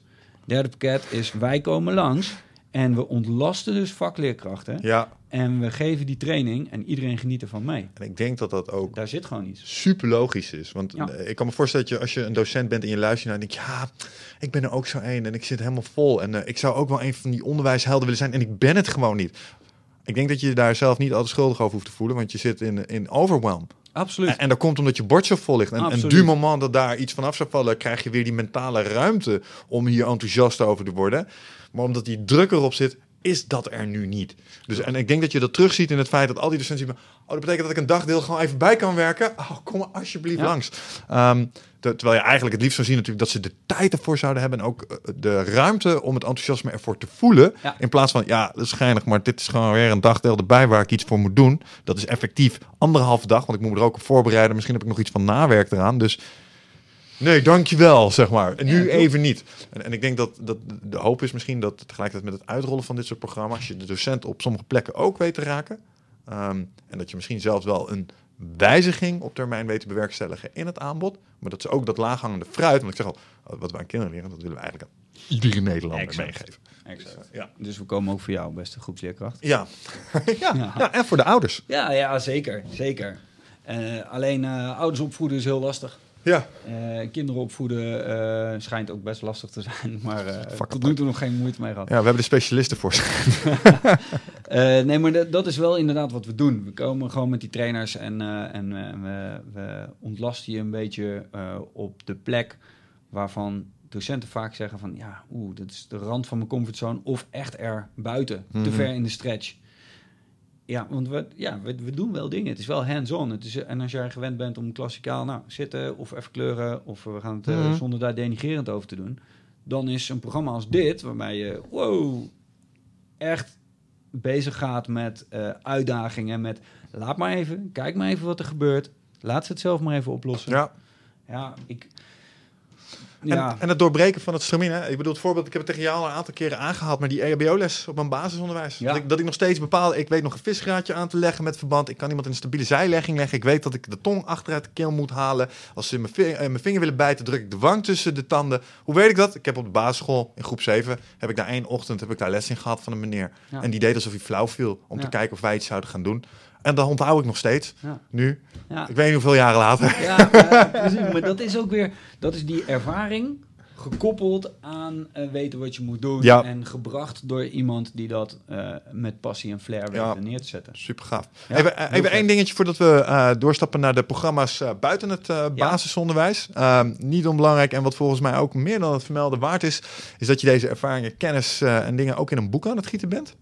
Ja, dat klopt. You're writing, man. Ja. Ja, hoe gaat dat? Eh, Wanneer is het af? ja, dat is de vraag. Dat is al heel lang de vraag. Kijk, dit boek, eh, voor de mensen die mij eh, kennen, ik hou heel erg van schrijven. Mhm. Ik vind het echt fantastisch om te doen. Maar het is ook soms helemaal niet leuk. Want schrijven is ook gewoon elke keer een beetje lijden. Als je eenmaal bezig bent, flow state, super fijn, Mm. lekker man. Oh, Ja. Heerlijk. Maar voordat je er bent, elke keer gaan zitten, deksel zwaar.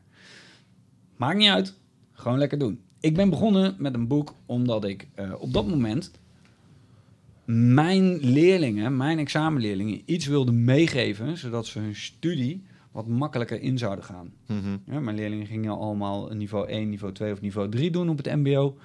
En er waren zo. Dus kijk, heel veel dingen moet je gewoon eerst zelf, zelf leren, ervaren, op je bek gaan en noem het allemaal maar op. Als het gaat over, eh, weet ik, meisje versieren of zo. Kijk, als iemand mij in groep 7 al had verteld. Ja, David, 9 van de 10 keer is het knapste meisje van de klas ook het meest onzekere meisje van de klas. Omdat hij bijna geen aandacht krijgt, omdat de jongens bijna niet durven. Mhm. Ja, dan was dat allemaal veel makkelijker geweest. Dan was het de approach anxiety lager. ja. Precies. Of dat iemand me had verteld, wat ik ergens ook wel wist, van dat op het moment dat je afgewezen eh, wordt door een meisje, dat niet jouw hele persoon als mens wordt afgewezen en dat je een failure bent en niet meer bestaat. Je bent gedisqualificeerd voor het leven. Precies. Ja. Je bent een loser, je doet er niet toe. En dat, is, en dat voel je wel zo als fucking puber. Of in ieder geval, ik voelde dat zo. Ja, ja. En dan ik erg gedacht, ja, maar ik ga echt niet nog een keer iemand om verkering vragen. Want als ze weer nee zeggen, dan dat overleef ik niet zo'n Ja, klap. ja. Dat is de death tick. Dat gaat niet. Dus, nou, hoe dan ook, klein beetje afgedreven.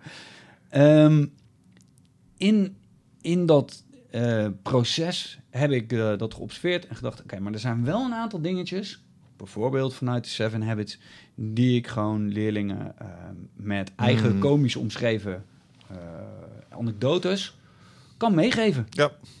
Dus gewoon een beetje hard onder de riem. En daar ben ik toen mee begonnen. En op een gegeven moment, eh, ja, toen ging ik ook dit doen. En toen had ik die baan ook nog. En geen excuses. Ik heb het gewoon even laten liggen. Ja. En eh, nou heb ik recent heb ik het weer opgepakt. En gedacht, hé, hey, we gaan het afmaken, man. Ja. En eh, dat is gebaseerd op, op mijn eerste, voor zover ik goed kan herinneren, mijn eerste eh, teleurstelling. Dat iemand tegen mij zei, David, je kan helemaal niet wat je wil, jongen. Mhm. Ik wilde namelijk potvis worden Oké, op de basisschool. een potvis. Een potvis. Ja. Ik denk dat dat kan. nou ja, het is niet zo dat de meester ongelijk had eh, toen hij zei, eh, David, dat kan niet. Maar het was gewoon zo teleurstellend dat ik als, als eh, nou ja, ik was iets groter dan een kleuter, moet ik eerlijk bekennen. Ja. Maar dat we een rondje deden. Wat wil je worden? Ja, politieman, brandweerman. Ik wil militair worden. Ik wil marinier worden. En ja, David, ja, potvis. Potvis, lijkt me awesome. Waarom Ja. potvis? Ja, waarom potvis? Nou, ik heb altijd wat gehad met de dierenwereld. Mhm. Ik had zo'n prachtig boek, Geheimen van het Dierenrijk. Er zat een anaconda in van 9 meter of zo. Dik in de Amazone. En, en daar haalde je dingen uit. Ja. De mensen die dat niet wisten. Eh, we hadden toen nog zwart-wit televisie. En eh, eh, kabel bestond geloof ik net, kabeltelevisie, maar daar had je dan later alleen maar RTL 4. Of hoe heet het? Veronique, RTL Veronique. Mhm. Maar goed, ik had dus een mooi boek. En in dat boek kwam ik de, de potvis tegen. En die potvis, die eh, kan dus in de wereld van de mensen leven. Aha. Aan de oppervlakte. Ligt hij daar gewoon. Die potvis, die kan dus gewoon rondkijken in onze wereld. Maar die potvis, die kan ook besluiten om naar twee kilometer diepte te duiken. Waar mensen niet kunnen komen. Mhm. Of in ieder geval doen niet. Ehm, en daar gaat hij het gevecht aan in de duisternis met reuzenpijlinktvissen. Die wij nooit zien tenzij ze aanspoelen op het strand. En eh, die vreet hij op. Eh, want, niet heel onbelangrijk, het is ook nog het grootste roofdier ter wereld. Het is de grootste tandwalvis, dus het grootste roofdier ter wereld. En die combinatie van een uur onder water kunnen blijven, op plekken kunnen komen waar mensen niet kunnen komen. Hè? Avontuur zat er al wel een beetje Ja, ja. En rond kunnen kijken gewoon in de mensenwereld. Ja, fantastisch. Ja, Ja, ik heb niet alleen wat geleerd over potvissen, maar ik begrijp jou nu ook een stuk beter. ja is wel, eigenlijk zou ik dat zo van hier de illustratie moeten hebben. Maar joh, zo zit het. Dan Ja. weet je dat. Ja, Ja, mooi. dus... ehm, Species fluid, deze jongen. ja. En, maar ja, dat, dat kon dus niet. Mocht niet. Eh, toen was ik verdrietig. Dus Ja. daarna wilde ik zeearend worden. Nou, kon ook niet. Ook. Eh, daarna wilde ik indiaan worden, want dat was een mens. Dus dat, dat kon toch. En de indianen MAVO, die zou toch wel bestaan. Eh, bestond niet. Hm. Fuck, ik moet iets doen wat al die andere mensen ook doen. Maar bijna niemand in mijn omgeving, als volwassene, hoorde ik heel vrolijk praten over hun baan. Op verjaardagen, pff, nou, maandag Ja, ja, het is altijd kom ik wel. Ja. Ik dacht, nee, nee, wil ik helemaal niet. Het is Nee. helemaal niet leuk, een baan. Nou ja, blijkt, kan toch, best wel leuk, maar dat duurt eventjes. Mhm. Ehm, dus zodoende, dus het boekje heet ook eh, Hoe word ik een potvis? Hoor de post. Ja, en en, eh, nou, eh, meteen in de inleiding staat wel de uitleg hoor. Dus dat Ja. niet mensen zich eerst eh 39 Ik zou dit op de laatste pagina pas uit het doek hebben gedaan. ja, ja nou, nu, nou nu heb ik het al verklaard eh, en verklapt. Eh, dus ja, eh, dat, is, eh, dat is de titel en eh, het idee erachter. Leuk man. Ja, te Dank je. gek. Ja, fijn. Ja, dus zoals ik al zei, we hadden, we hadden het idee bedacht, we moeten iets eh, eh, voor de kids. En zei, nou, ik ga er ook eens een mooi boek over schrijven. En eh, Ja, het werkt altijd wel als het publieke oog het weet en er vraag naar komt. Het schijnt zeer motiverend te zijn voor het schrijfproces. ik heb het ook geloof ik al ergens neergelegd dat het over vier weken de eerste versie er moet Top man. Ja, Dus, ja. gek. Leuk. Ja. Ehm, maar binnen dat hele onderwijsverhaal zijn dat niet, is het basisonderwijs niet het enige vlak waar we op bewegen. Uh, want het begin zeiden we al, eh, ik heb ooit eens een keer iets in de wereld geprobeerd te helpen. Dat heette Young Guns. En toen gaan we een online leeromgeving gaan we gratis weg als je studentenkaart Ja. liet zien. Dat werkt overigens nog steeds. Dus als jij een student bent en je denkt, ja, ik wil dat ook wel. Ehm, dan kun je nog steeds gewoon een mailtje sturen en je studentenkaart sturen. En dan krijg je gewoon toegang eh, Ja. tot die omgeving. Ehm, Steeds meer doen dat er overigens. ja, ja, ja. ja, ja, ja nou, het, het, het begint tractie te Ja, krijgen. En dat op zich, dat is, dat is goed te merken. Ehm, Maar ehm, ook daar heb je het, eh, het stokje van me overgenomen. En eh, heb je inmiddels een, eh, een leuk team om je heen verzameld. En zijn we ook echt de eerste echte grote projecten binnen het WO. En op korte termijn waarschijnlijk ook binnen het HBO aan het doen. Ehm, neem ons daar eens even in mee. Ja, nou ja, dat, en als je dan hebt inderdaad voor, over juiste personen, juiste tijd, Mhm. juiste materiaal ook. Hè. De tijd begint nu echt wel rijp te worden voor deze kentering. In Ja. Een manier van denken eh, en daar ook aan gekoppeld de urgentie Mhm. voor onderwijs in persoonlijke ontwikkeling. Ja, dan kom je, dan kom je ook in dat straatje. En eh nou, eh, die helpt me daarbij. Ja. Sommer. Topgast ook. Voorheen was denk ik op het moment dat jij eh, lanceerde, waren ze er ook denk ik nog niet helemaal klaar voor. Daar komt bij dat het natuurlijk ook best wel wat vraagt. Het vraagt eigenlijk al een proactieve student om dit te doen. Mhm. Maar op het moment dat je dat da- eh, op de instelling zelf de urgentie wordt ervaren, ja, dan zijn wij er ook nog. En laten we eerlijk zijn, zo'n podcast, dat helpt best wel. En dan wordt er eens rondgetelefoneerd en je hebt hier eh, mevrouw Michaela Schippers gehad, Ja. die een enorme bron van kennis is, maar ook van inspiratie. Nou, een bijzonder iemand. En eh, die is dat ook aan aan het zwengelen. Dus op allerlei plekken gebeurt dat. Nou, en zo kon het dus zijn dat ehm, van de Erasmus Universiteit eh, bij ons aanklopte. Van ja, wij willen eigenlijk eh, nu nog eh, buiten het curriculum om voor onze studenten iets aanbieden waarbij ze gewoon echt de full works krijgen. Nou, dat is Young Guns. Ja, en wat, wat even voor, voor, want ik zou me net bedenken, ik kan me voorstellen dat als je deze podcast vers instapt, je hoort ons praten over deze programma's, je binnen het basisonderwijsprogramma nu wel iets van een idee wat we daar doen. Maar wat geven die mensen eigenlijk mee? Wat, wat leren we mensen in Young Guns? Wat, wat brengen we die studenten bij momenteel? Nou, wat brengen we die studenten bij? Dat is, kijk, dan kijk je even naar de persona's. Hè? Dus we, eh, wat is het profiel van de student? Mhm. profiel van eh, de rechtenstudent in dit geval, waar het om gaat, is eh 9 van de 10 die is daar terechtgekomen eh omdat ze ouders hadden gezegd van, joh, jij kan dat goed, ga maar doen. Of omdat ze een missie hebben. Heb je heel veel jongeren hebben een missie tegenwoordig. Mhm. Nou, dat is al heel tof om te zien. Ja. Ehm, of, ja, een goede vriend of vriendin van mij, die ging dat doen, dus ging ik dat ook doen. Dus het eerste wat wij ze bijbrengen is, wie ben jij dan en wat wil jij? Komt dit echt voort uit jouw eigen intrinsieke motivatie? Zo ja, dan heb je een zeer goede kans van slagen. Mhm. Want dat is namelijk de enige gezonde motivatie om echt dingen af te maken. Of komt het ergens anders vandaan en moet je afvragen of je wel op de juiste plek zit. Ja. Niet geheel onbelangrijk. Nee. Dus eh, we leren ze eerst richting bepalen. Dan leren we ze hoe je dat doet. Dus durf maar weer te dromen. Ga maar eens kijken van nou, wat, wat wilde ik ook alweer, wat vond ik Mhm. ook alweer leuk. Hoe zorg ik dat ik in die richting ga bewegen? Dus zet jij de acties die je uitzet, gaan die richting jouw doel? Of eh, gaan die richting eh, hè, Mhm. de horizon? Eh, de, de verkeerde horizon. Ja, En ehm, vanuit daar gaan we ze dus leren op een nou ja, GTD-achtige manier. Gaan we ze leren werken met een eh, workflow management tool. En, en ja, sommige zijn heel gestructureerd, maar ook die studenten zeggen: shit, dit is echt heel fijn. ja. Hier, kan, kan, kan dat er ook in? Ja, dat kan er ook. Oh, Waar, zit, waar zit hem dat in dan? de duidelijkheid. Ja. De duidelijkheid. Ze krijgen de ruimte om in de masterclasses gewoon meteen hun minddump te maken, dus hun hoofd leeg te schrijven. Eh, meteen eh, daar projecten van te maken, die te prioriteren. En vervolgens nemen we ze echt aan de hand mee in die college van, joh, nou, wat is de eerstvolgende actie? Hoe doe je dat nou? Hoe pel je het nou? Of hoe maak je het nou klein? Hm. echt alles kan je gewoon direct toepassen. En het mooie aan deze mensen is, 9 van de 10 is al bezig met persoonlijke ontwikkeling. Mhm. En dat is iets wat ik niet had kunnen voorzien. Nee. Dat studenten daar al zo mee bezig zijn. Dus ze weten al een beetje waar het over gaat. Ze weten al een beetje hoe het werkt. En nu geef je ze ook nog eens iets in handen om zichzelf veel effectiever te maken en te borgen in hun energie. Ja. Want die twee die gaan natuurlijk hand in hand.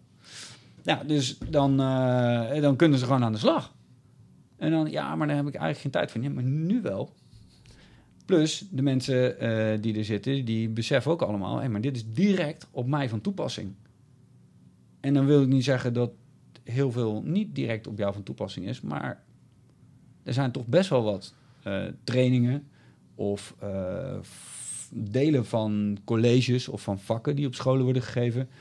waarbij regelmatig leerlingen en studenten zitten te luisteren en denken... ja, als ik het tentamen maar haal, eh, dan geloof ik het verder wel. Ja. En dit gaat over het tentamen van je leven.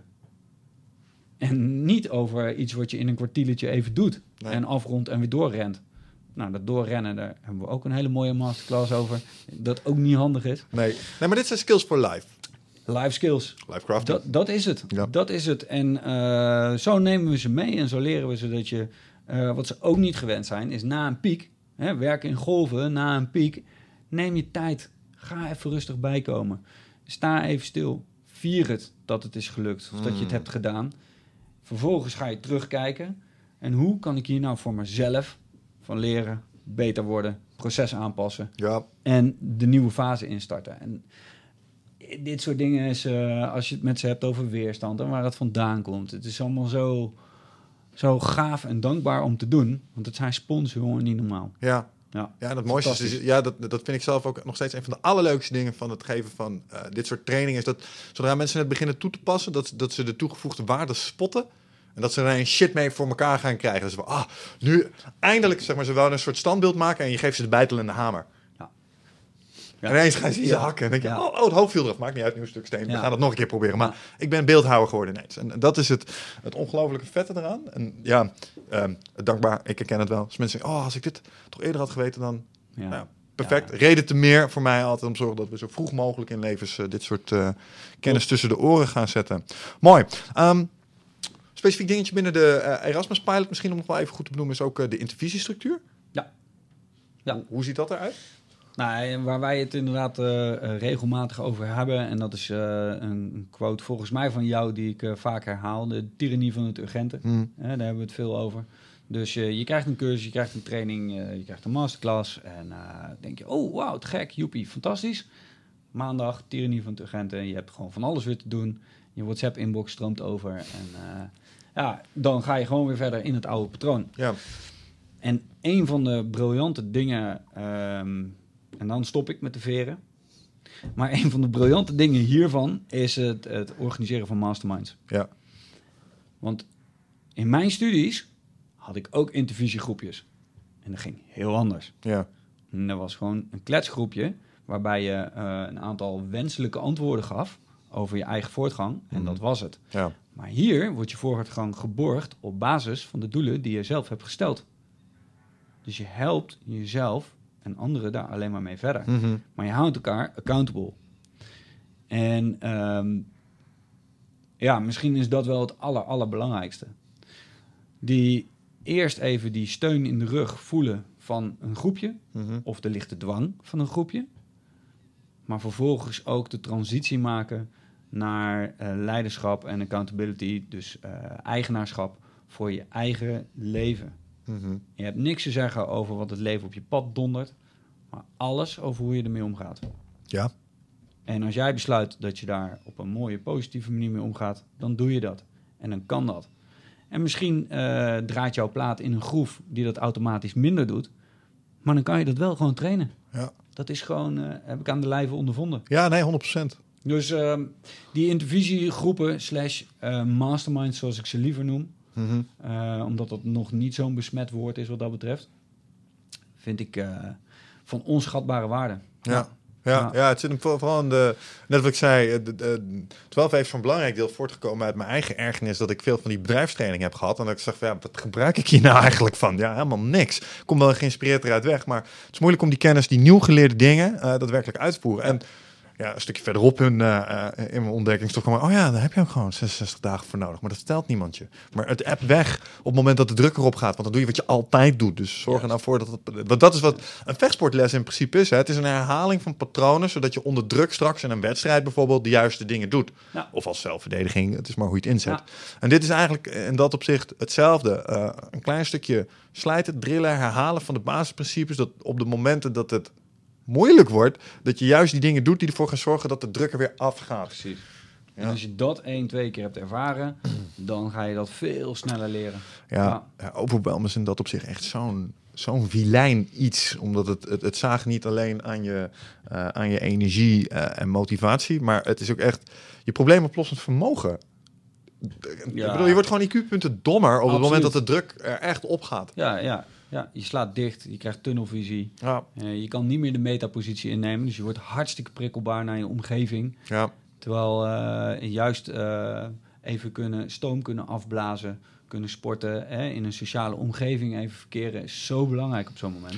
Ja, ik denk dat, en, en ik denk dat het voor een boel mensen helpt door zich te gaan meer te gaan realiseren. Omdat eh, er is zo'n grindcultuur gaande. Dat je bent pas een, een echte baas je 60, 70 uur per week werkt. Ik, ik hoor het mezelf soms nog wel eens in training. Ik zeg ja, 60, 70 uur. Maar ik was ik een harde Oh. werker, hè? Het staat goed, hè? Weet Ja. je wel? De, het, eigenlijk ben je de grootste idioot die ertussen loopt. Ja, doe Want het je nou bent, niet. je bent een plegen.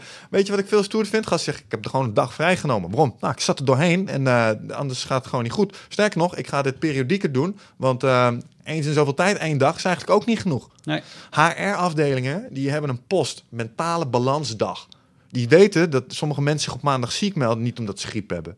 Maar gewoon omdat ze die rust nodig hebben mentaal. Omdat ze de, de hectiek en de druk gewoon niet meer kunnen bolwerken. Anders en dat, Mentale balansdag. Ja. Ja, vet, die Eh, ken ik nog niet. Nee, maar dat, dat, dat, dat weten ze wel. Ze weten wel dat je niet echt diarree hebt. Snap je? Ja, ja, ze, ze ja, ja, weten wel ja. dat je gewoon even Ja, er ja. doorheen zit. They Ja. get it. They Ja, get it. ja. Eh, en, het, en, en het feit dat, dat je het op die manier moet fixen... om even, dat, om even dat, dat energiegat voor jezelf te dichten...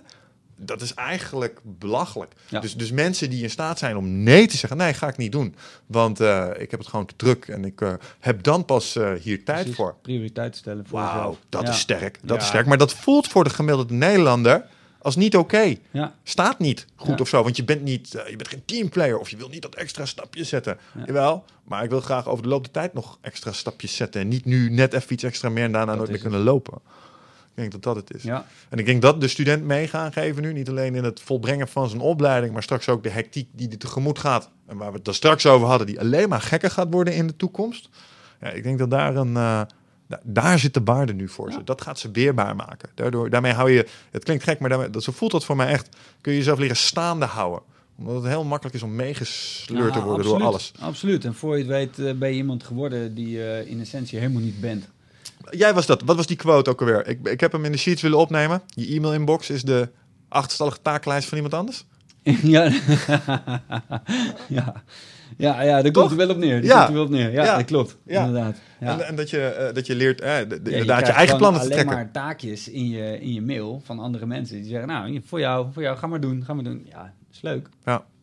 Ja, en ik denk dat dat een belangrijk onderdeel van livecrafting is. Ja, inderdaad, zoals Remco eh, het ook zegt, eh, Remco Klaassen, van stel je eigen plan, anders word je ingezet in andermans plannen.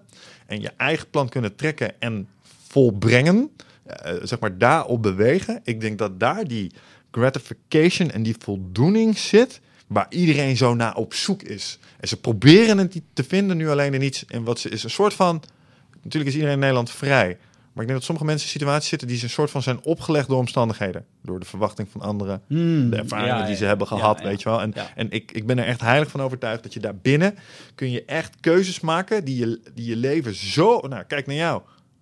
Je was een docent, je had de zekerheid, maar je hebt een besluit genomen en een week later, je had misschien even een opzicht aan mij, maar een maand later, vier weken later, was je leven compleet anders. helemaal anders. ja. Compleet anders. Ja, ja, Dus, en ik denk dat dat ook iets is wat, wat eh, de meeste mensen zich onvoldoende realiseren. Is dat je wel degelijk opties hebt om, om die... Ja, het is alleen spannend.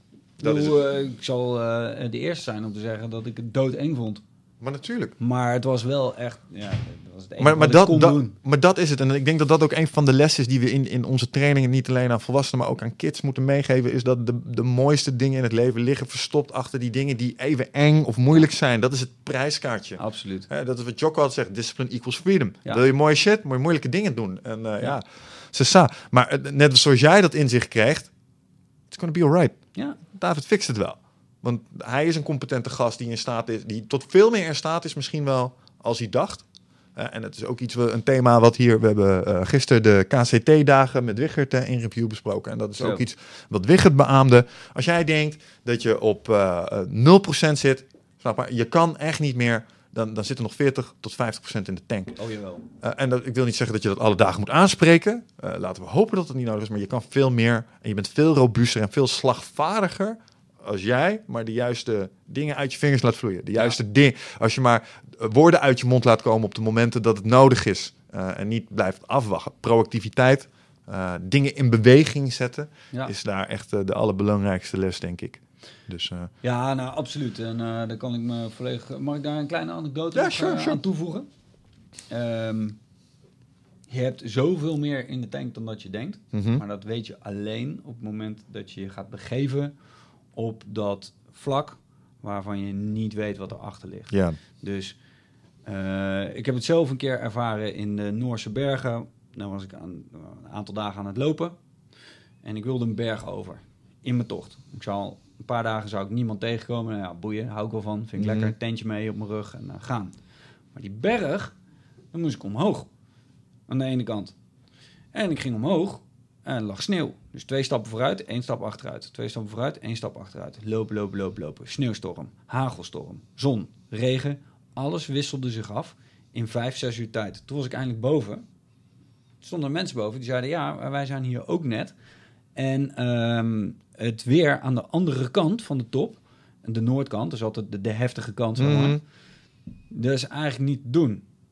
Dus eh, iedereen wordt geadviseerd om gewoon via de zuidkant weer af te dalen. Ik dacht, ja, fuck it. Ik, ik ben hier nu, ik wilde een uitdaging, dan ga ik die uitdaging in. Mhm. Dus zonder een hand voor ogen te zien. En jij ik- vraagt je af waarom ik me zo af en toe zorgen maak als jij weer Nee. verdwenen bent naar het buitenland. Ja, nee. Ik weet wel Gek, waarom dat is. maar dit zijn dingen die ik gewoon moet doen. Nee, I Dit get is it. I get it. eh, ja. Maar goed, de, de, eh, daar ben ik afgedaald, maar op eh, handen en voeten. Ten eerste was de kam was zo. Mhm. En dan heb je je rugzak op. Dus je moet op je knietjes, op je handen naar de kant waar je er af kan. Ja, en vervolgens ben ik daar dus inderdaad over blokken, over stenenvelden, sneeuw, ijs, ben ik naar beneden gegaan. En uiteindelijk heb ik er meer dan 16 uur over gedaan om aan de andere kant te komen. Mhm. Dat waren de langste 16 uur van mijn leven. Want weet je hoeveel kilometer ik had afgelegd? Het was niet zo heel erg veel. Ja, dat was een 3,5 verschrikkelijk kilometer. laag tempo. 3,5 kilometer door, door de sneeuw gezakt. eh, mijn enkel verzwikt. eh, mijn knie heeft vastgezeten. Best wel dom en zo achteraf. Ja, klopt. Maar daar in die tocht moest ik zo vaak in mijn reserve. mm, Dat ik op een gegeven moment niet eens meer wist waar ik zat. Eh, maar ik had eh, een bepaald eh, een mantra wat ik een keer van eh Bear Grylls had opgepikt. De, de televisieavonturier. When in doubt, drink your piss. Nee. Find a camel and sleep in it. Nee. nee eh. Eh, want die waren zakmes. Ja. Nee, hij heeft een programma gemaakt voor de BBC, een hele tijd geleden. Dat was Escape to the Legion. Ah, Eh, en daarin eh, selecteert hij een groep van 20 Engelsen. Die neemt hij mee naar Algerije. En dan gaan ze dus zo'n training eh, doen van het Vreemdelingenleger. oh, oh Ja. pittig, pittig. Precies. En ehm, wat zeiden ze daarin ook weer? Pain is weakness leaving the body. Mhm. En ik had heel veel pijn. En als je dat blijft herhalen, dan hoor je alleen nog maar die woorden en voel je helemaal geen pijn meer. Dus doe een doorgeloop, doorgeloop. Uiteindelijk heb ik het gehaald. Kwam ik bij een hut aan. Kon mijn tent niet meer opzetten. Ik was Hmm. te gaar. Er waren drie Deense oudere vrouwen die zeiden... Oh, kom maar binnen, jongetje, want het gaat niet goed met jou. Ja. Met jou. naar binnen. En, maar je lijf, één nacht slapen, volgende dag was alles weer anders. Maar zo diep gaan, dat je loopt te huilen onderweg, dat alles pijn doet, maar dat je doorgaat, doorgaat, doorgaat, doorgaat. Oh man, dat heeft me sterk gemaakt. Ja, dat snap ik. Ja. Tussen de oortjes. Ik, daarom heb ik daarna nog veel gekkere avonturen, zoals je weet, eh, Mm. uitgehaald. En, eh, maar nooit meer die grens hoeven te bereiken. Nooit meer zo diep hoeven te gaan. En dat is zo waardevol. Als je dat weet van jezelf, dat je, nou, dat zal Wichert waarschijnlijk ook wel hebben meegemaakt. Mhm. Ehm, en misschien nog wel erger, ik kan dat niet vergelijken. Maar eh, ja, dan weet je van, damn man, we kunnen zoveel hebben. Ja. Je bent Ja. zo sterk als je maar weet dat, dat het kan. Ja, en dat is echt een stukje kennis die zou je, eh, nou ja, nogmaals, iedere Nederlander willen gunnen. Omdat ze nu op plekken blijven waarvan ze denken, ja, het is lekker veilig en ik weet niet of ik dat kan. Je kan het, je, je kan het gewoon echt, geloof. Je bent zo weerbaar. Je bent, nou, dat, dat, ja, er zijn mensen die hebben dat wel eens heel scherp gezegd. Je bent het resultaat van miljoenen jaren evolutie, weet je wel. In een zeer onvergevende omgeving. Gedraag je ernaar. Precies, precies. Ja, ja maar dat, is het toch. Ja. Dat is het toch. Het Ja. maar hangen in, in het comfort is, lijkt heel lekker en lijkt heel leuk. Maar dan kom ik toch weer bij Casper van der Meulen. Doe dan maar moeilijke dingen. Dan wordt je leven makkelijker in Mhm. plaats van andersom. Ja, Ja. ja, mooi man. Ja. Maar dit is dus eh, het initiatief dat we hebben lopen op het, eh, het HBO of op het eh, WO. We zijn ook de Yes, eerste sir. schreden aan het zetten in het, eh, eh, op het HBO. Ja. Eh, eigenlijk soortgelijk eh, format zijn we daar aan het doen. Ja. En ik denk dat daar ook, ehm, ehm, ja, hoe zeg je dat? Een soort een wervende oproep eh, achter zit. Ehm, omdat we hebben gezien, kijk, het is heel simpel, hè? The way to defeat one man is the way to defeat 10.000. We hebben nu gezien op het, op het WO, er is hier een behoefte aan. En, die, Ja. en die, die, daar vullen we eh, mooi in. HBO, idem dito. En eh, we hebben toch echt wel een purpose en een mission voor dat future-proof education. En als jij in het onderwijs zit, eh, en dat mag ook MBO zijn, hè? Dat mag ook, want we, Oh, hebben, we hebben in, op het voortgezet Ja. onderwijs hebben, hebben hier Ja. ook behoeftes liggen en die zijn we nog niet aan het invullen momenteel. Maar we willen die 4 tot 24 keten graag echt gaan Ja. vormgeven. En ja, het is heel simpel. Het, call to action is, we zijn op zoek naar bondgenoten. Mensen die hier iets mee willen, die het zien zitten, die het aanspreken, die er zelf misschien iets aan willen bijdragen, voortschrijdend inzicht hebben. Ehm, maar het is wel echt de intentie om dit, ehm, nou ook op een aantal HBO's wordt daar ook al over gesproken, om het binnen het curriculum te krijgen. Ja, iets klopt. minor te gaan doen. Dus eh, ja, weet je, al- we hebben alles gewoon liggen. Ja. En dat is gewoon zo, dat is zo fijn en zo comfortabel ook voor HBO's en eh, WO's. ja. Maar dus ook voor MBO's. Zeker, ik ben blij ook dat je hem noemt. Eh, want ook in de podcast met Remco Klaassen zei ik van... Joh, dat zit toch echt een beetje in het verdomhoekje. En dat is zo zonde. Ja. Want dat is wel de gemiddelde beroepsbevolking van Nederland. En als je die mensen iets beter kunt equiperen... Ja, dan krijg je dus een andere samenleving. Dat denk ik ook. Nee, eh 100% waar. En ehm, ja, wat ik al zei, het is een, het, het is een, het is parallel. Dus het is, het is naast wat er al staat. Dus het is tegelijkertijd ook super laagdrempelig als professional iets mee te doen. Maar nogmaals, ook voor de student Ja. om iets mee te doen. Zeker. Ehm, eh, en voor doc- docenten. En ja, ik denk dat we, eh, de, de studenten die iets mee willen, je kunt hier gewoon gra- gratis in principe gebruik van maken. Maar je kan ook eens een keer een balletje opgooien bij je school om hier iets mee te doen. Mm. Of eh, een keer, dan, zo zijn we ook op plekken terechtgekomen dat er plots een eh, student was die iets van, ja, ik luister nu de podcast. Zeg helemaal te gek. Kunnen jullie alsjeblieft een keer een gastcollege hierover komen geven? Want ik heb medestudenten en die vinden het ook wel interessant. Maar eh, onze opleiding, ja, die, eh, die vindt het lastig om dat van de grond te krijgen. En dan zie je dat op die manier initiatieven ineens gaan, eh, gaan lopen. Dus eh, als je hier naar luistert en je denkt, oh wauw, dit is echt helemaal te gek, hier moeten we wat mee. Eh, reach out, doe wat. Eh, we hebben hier iemand die daar maar wat graag aan Ja, aan de ja, slag gaat. Sowieso. Ik geloof heel erg in samenwerken en delen. En Ja. gewoon echt iets moois maken samen. Ja, wat ik, wat ik ook echt mooi vind aan dat hele HBO-initiatief is dat, en dan zie je ook maar hoe dat soort dingen lopen. Hè. Sjors, natuurlijk bezig, eh, die, die had ook het voornemen om een boek te schrijven. Die heeft inmiddels een geweldige app gemaakt. Heb jij de URL zo scherp? Want ik heb hem voorbij zien komen in onze groep scriptie.io of zo, staat me iets voorbij. Ah, ik, heb Ik, ja, ik zoek hem, Je ik, hebt hier ja, liggen. ik, heb hem, ik zoek hem zo eventjes op. Of we zetten hem in de show notes, laten we dat doen. Ja, Ehm, zeker nice. ja, want, want Shores is ook lekker bezig om studenten in dat opzicht te ondersteunen met het schrijven van hun scripties. Ze hebben een app gemaakt waarbij ze zeg maar, eigenlijk het protocol zoals wij dat gebruiken, projecten slice and dice, roadmapje van maken, eh, heel specifiek voor het schrijven van een scriptie gemaakt. Ja. Ehm, dus dat, dat geeft je eigenlijk een soort eh, ja, blauwdruk over hoe je dat het eh, beste kan eh, uitpakken. En, en door dat te maken, conform de methodologie, hebben we nu ineens ook een fundament om zeg maar, een bredere app voor te maken. Dus een stukje software om het hele protocol straks te gaan ondersteunen. En ik denk dat het ook heel dik wordt. Want als je dat ook nog eens uitrolt als extra laag, zeg maar, voor studenten en docenten. Och jongen, de mogelijkheden die je dan Ja, hebt. dan om gaat daar- iedereen dezelfde taal spreken. hè. En Ja, dat dan, is het, eh, dat is het. Zo fijn. Helemaal als je, nou, jij noemt hem heel vaak, Jocko Willink.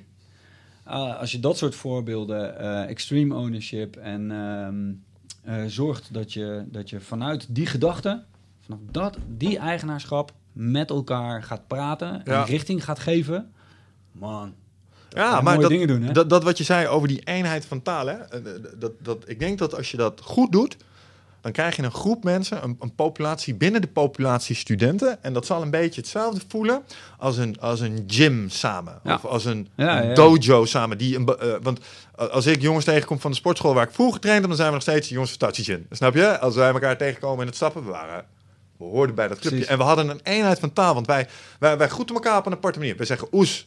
Ja. Gemiddeld Nederland, wat zijn die orks of zo? Nee, dat zeggen ze in Japan als je Ja, elkaar, ja, weet je, als begrepen, et cetera. Mooi. Eh, we hebben het over bepaalde dingen. We gebruiken bepaalde termen. En dat zorgt er toch voor, dat geeft je een, een stukje identiteit en dat doet iets met je gedrag. Ja. En- En ik denk dat dat echt te gek zou zijn om iets soortgelijks neer te zetten waarbij mensen snappen wat de roadmap is. Wa- Wat je doet met je wingman, slice and dice, ownership, accountability. Wat weerstand is. De vier overeenkomsten. Laten we het daarover hebben. Als je het hebt over impact op een maatschappij. Wat als je die bij de nieuwe generatie tussen de oren als een soort grootste goed zou zetten. Zo. En wie het niet kennen, de vier overeenkomsten. Nou ja, let's go. Wat zijn de vier overeenkomsten?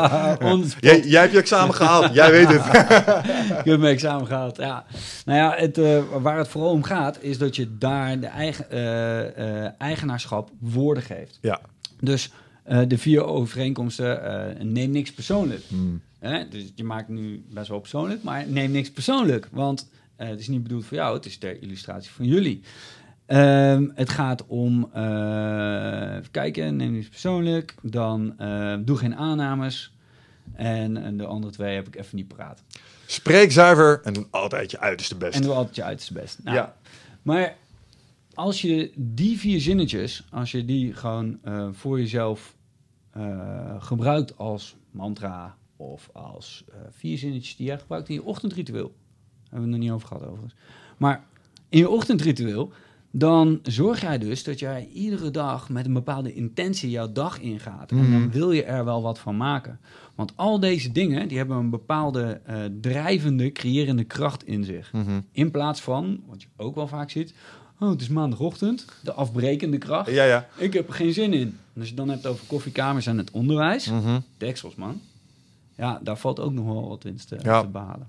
Ja, vette shit. Ja, en, en, en wat ik zei, hè, ik bedoel, ik, ik denk dat, het- dat het gewoon sterk is als je op een gegeven moment iets van een eh, beweging weet te creëren waar inderdaad eh, bepaalde mensen zich mee gaan identificeren en dat het gewoon cool is om dingen als ownership te nemen, eh, niet meer te liegen, eh, fysiek fit te zijn, zeg maar, eh, een goede mindgame te hebben, maar ook een bepaalde spirituele bewustwording. Hè? Een van de dingen die ik heel gaaf vind aan bijvoorbeeld het non-dualisme, als je het hebt over Paul Smit, is je realiseren dat je een effect hebt om alles om je heen. En dat cascadeert door, zeg maar. De- door jou heen raak, raak ik anderen en door mij heen raak jij anderen. En, en je dat beseffen en daar iets positiefs in willen gooien, Ja. zal ook iets gaan doen. En, en snappen dat, dat er een bepaald gevoel zit bij, op die manier bijdragen ergens aan, wat weer je eigen beeld naar een nieuw niveau tilt. Hè? Want dat is wat zelfvertrouwen is.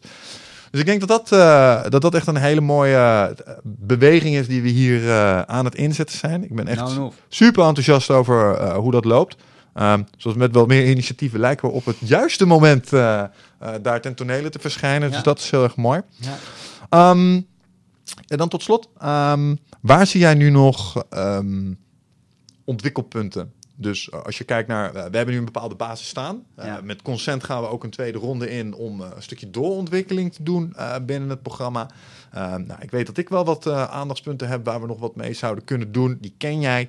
En als jij nou kijkt naar de, de, de horizon van vijf tot tien jaar, wat zijn dan inhoudelijk dingen waar we nog wat. waar, we, waar we nog mee aan de gang gaan? Dus waar, waar zit de groei nog voor ons en waar zit Ja. de inhoudelijke bijsturing? Nou, allereerst aan, aan, eh, aan de rand. Dus eh, ik zou heel graag wat voor eh, docenten willen doen. Eh, ben ik op de achtergrond ook mee bezig, overigens. Eh, Remco Klaassen doet dat door middel van zijn pitstop. Ja, Leraren pitstop. Ehm, ben je daar nog niet geweest? Misschien ook wel even een leuke oproep. Ga dat doen. ja. Eh, ja Remco Klaas is echt heel actief hier. Ja, absoluut. Ja. Die heeft ook een missie in het onderwijs. En eh, dat is zeer leerzaam, wat hij, eh, wat hij op dat moment eh, je even meegeeft. Plus, wat hij ook doet, hij geeft je gewoon een leuke middag. Ja. Heel erg, eh, heel erg welkom. is altijd. ook wel fijn. Is, is ook wel eens lekker. Gewoon lekker een leuke middag. Gewoon over jou. Ja. Eh, echter, en daar heb ik het ook met hem over gehad, hij doet dat buiten scholen. Ja. Dus hij doet dat in zaaltjes. En mensen die daarop afkomen, zijn mensen die daar al mee bezig zijn. ja, en je wil die lui hebben die eigenlijk de school niet uit willen. Precies. Exact. Je wil die, die wil je gewoon ook mee hebben. En gewoon laten zien van, kijk joh, dit is er ook. Ja. En, en nogmaals, niet dat niet die lui minder zijn. Nee, die zitten in een overwhelm. Ja. Die zijn ondergesneeuwd. Of overwhelm, eh, eh, of en. Dat is gewoon, eh, je, je weet het niet. Mhm. je weet nooit wat je allemaal niet weet. Dus dat heeft geen zin. 100%. Ja. Nou, en eh, inhoudelijk gezien denk ik dat het, eh, of denken wij, want het komt natuurlijk ook bij jou vandaan, eh, denk de doorlopende leerlijn, dus niet alleen eh 511, maar echt doorlopende leerlijn basisschool, middelbare school. Hmm. Want MBO, HBO, WO, dat hebben we eh, min of meer in de stijgers. Dat Ja. komt goed. Maar dan pak ik inderdaad de 21st Century Skills erbij. En we zouden nog meer en dieper kunnen gaan zitten op dat kritisch denken. Ja, exact. Eh, leer, leer jezelf leren. Dus wat werkt nou voor jou? Wat is jouw leerstijl? Hoe kan je zorgen dat je het beste dingen opneemt? Een podcast van 2,5, 3 uur. Jongen, ik verslind ze. Maar ik Mm. hoor ook van mensen, vrienden van mij, vriendinnen van me, die zeggen: Ja, nou, ik ben na, na een half uurtje wel klaar.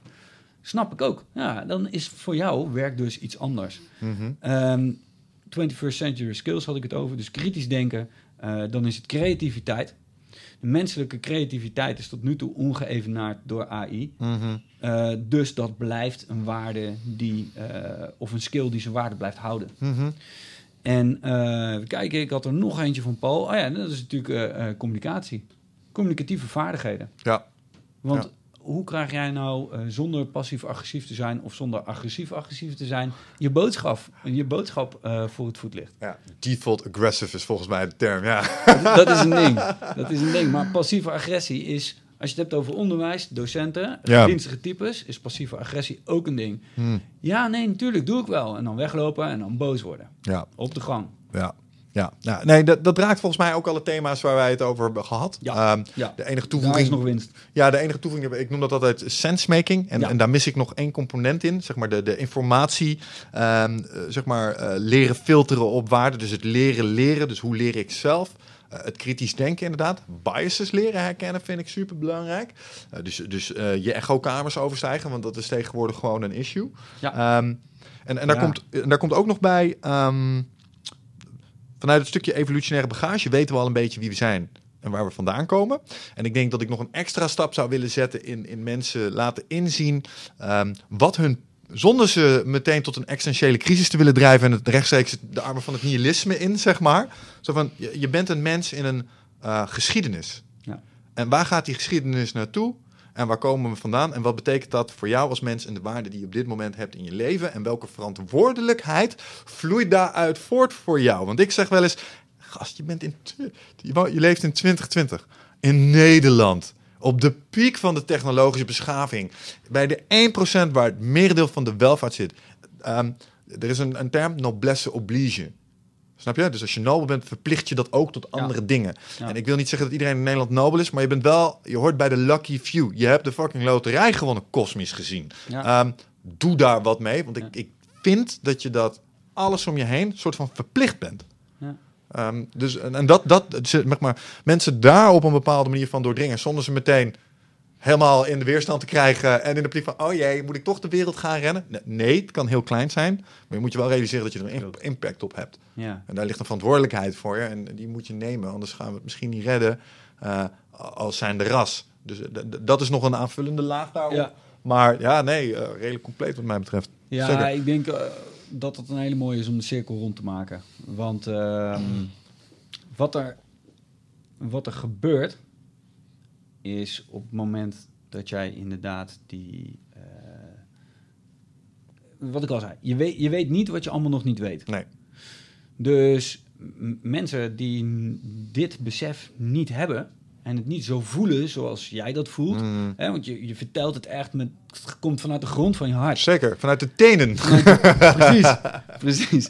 En, en dan moet een eindje komen. Ja, zeker. Dat Dus- is twee meter die dat weten te overbruggen en nog steeds even fanatiek te zijn. Dus, eh, Ex- exact, nee, maar dat, en dat, dat is dus mooi, want dan, dan komt het echt, het komt van diep van binnen uit. Maar als je dat besef helemaal niet hebt, je weet helemaal niet dat het bestaat. Sterker nog, je bent opgevoed eh, in een familie waar alleen maar eh werd gemekkerd op de regering, op de buren, op wie of wat dan ook. Dus Mhm. jij bent slachtoffer van de hele wereld. ja. Ja, dan is het verdomd moeilijk om de kentering, de slag te maken naar... Oké, hey, maar ik ben wel verantwoordelijk voor dit en dat en dat. En dit is mijn eh, verplichting eigenlijk naar de maatschappij toe. Dus dat is een best wel een grote stap. Ja, en wat ik al zei, als we dan de cirkel rondmaken... dan krijg je dus docenten en studenten en leerlingen... die je hier bewust van maakt door onder andere dit programma... maar er zijn nog veel meer. Eh, en dat worden ouders. De ouders van de toekomst. ja, En als die al hebben geleerd om niet vanuit de slachtoffersituatie te denken, ja, dan krijg je dus kinderen die dat ook niet doen. Mhm. En ja, en dan ben je zo mooi en, eh, en gaaf bezig. ja. Ja, dan hoeven we ook niet in een tweede middeleeuwen te belanden. Nee, nee, laten we dat voor. Ah, laten we dat alsjeblieft uitblijven. dat waren. Maar het, eh, overigens, middeleeuwen worden wel erg. eh, ik, kijk, ik mag heel graag naar eh, geschiedenis Ja, dingen ja, kijken op. YouTube en zo. Het wordt ook wel eens neergezet alsof het allemaal kom en co was. Zo erg was het nou. Nee, maar het is Maar- natuurlijk fantastisch als voor de mensen daarna om het af te schilderen als vreselijk. Sure. kijk eens wat wij Wat we overwonnen doen. hebben. Ja, natuurlijk. Precies. Eh, Gouden Eeuw eh, lijkt alleen wat Ja. als de, die daarvoor gewoon eh, crappy was. Nee, Ja, I, I get ja, it. ja. I get it. Ja. Nee, maar eh, volgens mij hebben we hier een, zijn, we, zijn we bezig met iets moois. ehm, als het gaat om, om eh, iets bij te dragen, in ieder geval. Als het gaat om dat eh, onderwijsding wat we in Nederland hebben. Ja, en als we het dan toch nog over de toekomst hebben. En ik heb mede dankzij jou. Hij is eergisteren opgenomen. De laatste Oh, masterclass nice. van 12 Waves International. Ik had hem al een keer in het Nederlands opgenomen. 42 masterclasses. Toen heb ik mezelf op verploek, vervloekt voor wat ik mezelf daar had aangedaan. Toen dacht ik, nou weet je wat, het mag ook wel over de landsgrens heen. Dus dat gaan we gewoon nog eens dunnetjes overnieuw doen in het Engels. Toen heb jij mijn sheets eigenlijk eens eh, ontdaan van alle spelfouten die erin stonden. Maar die laatste is ook eh, opgenomen. En ik denk dat daar nog een hele interessante uitdaging voor ons ligt om enerzijds voor te zorgen dat dit, eh, want eh, ik wil dat int- international ook open sourcen. Dus dit mag de wereld in. Eh, en voor studenten over de hele wereld die Engels spreken, die mogen dit ook gewoon gratis komen Ja. ophalen. Dus de Ja. hoop is dat daar ook iets van dat gaat bewegen. Al is het maar een kleine schaal in eerste instantie. Je hoeft maar een paar juiste mensen te raken en dan kun je er iets mee. En ik wil zo langzamerhand eens gaan, gaan nadenken. En misschien zit daar ook wel een oproep. Ons leiderschapsprogramma dat we nu runnen, westers, individualistisch. Ja. Ehm, als we hiermee naar een China of naar een Japan zouden gaan, zouden we er tegenaan lopen dat hun monomythes veel meer op het collect- iets meer op de community, op het collectief zijn toegespitst. Opoffering voor het collectief, et De, cetera. de plicht, duty, dat soort dingen. Ja. Wat we net eigenlijk ook al een klein beetje raakten. Hè? Want Ja, het- ja. eigenlijk heb je het over plicht. Als je het hebt over dat besef van je moet iets eh, bij, bijdragen aan het collectief. Ehm, dus daar zit nog een soort puzzel hoe we, hoe we een aantal culturele kloven daar, die we daar kunnen leggen. Ik vraag me ook af of als je dit bijvoorbeeld eh, in het Midden-Oosten, eh, in, eh, met, Arabische achtergronden, of, of daar de connect zou zitten. Daarvoor ken ik die culturele geschiedenis en die verhalen die ze daar hebben eigenlijk onvoldoende. Maar het heldenverhaal is denk ik dermate universeel dat je er altijd wel iets mee kunt. Hey, overwhelm is denk ik ook wel een redelijk universeel iets. Mensen die het te druk hebben zijn mensen die het te druk hebben. Dus dat, eh, dat kun je daar ook wel fixen. Maar ik denk dat als je naar de toekomst kijkt en, en je hebt het over nou, wel- welke kant zouden we uit willen. Eigenlijk zoveel mogelijk mensen met, met dit idee. Ja, besmetten klinkt zo raar, vooral nu eh, als je kijkt naar wat er eh, in de wereld aan het gebeuren is. Maar hey, we- ja, ja, we zouden het gospel wel graag willen verspreiden in dat Ja. opzicht. Ja, ja absoluut. Absoluut. Dus inderdaad, daar, nou ja, het is een oproep. eh, ook dus even een oproep als jij student bent inderdaad en je hoort dit. Eh joh, meld je gewoon even aan Ja. eh, als je er meer over wil weten. En dat kun je doen via 12-waves.academy slash youngguns. En dan kom je daar. Ja. En dan krijg je een mail van mij. En als je op zelfheefs.academy zoekt, dan kun je ook altijd het contactformulier invullen. En dan sturen wij eventuele aanvragen ook gewoon door naar David. Zeker. En je bent natuurlijk te vinden bij de Helderhaals podcast, die ook een eigen Ja. website heeft. Helderreis.nl. Zeker. Kun je ook contact zoeken. Ja, mag dus- allemaal. Ja, Ja. mooi. Nou, ik heb, eh, zoals wel vaker met dit soort podcasts, gevoel dat we rustig nog een uurtje erachteraan hadden kunnen plakken. Maar eh, ik denk dat we 2,5 uur aan het eh naderen zijn eh, momenteel. Dit, dit kon nog wel eens een van de, lang- van de langere worden, ja.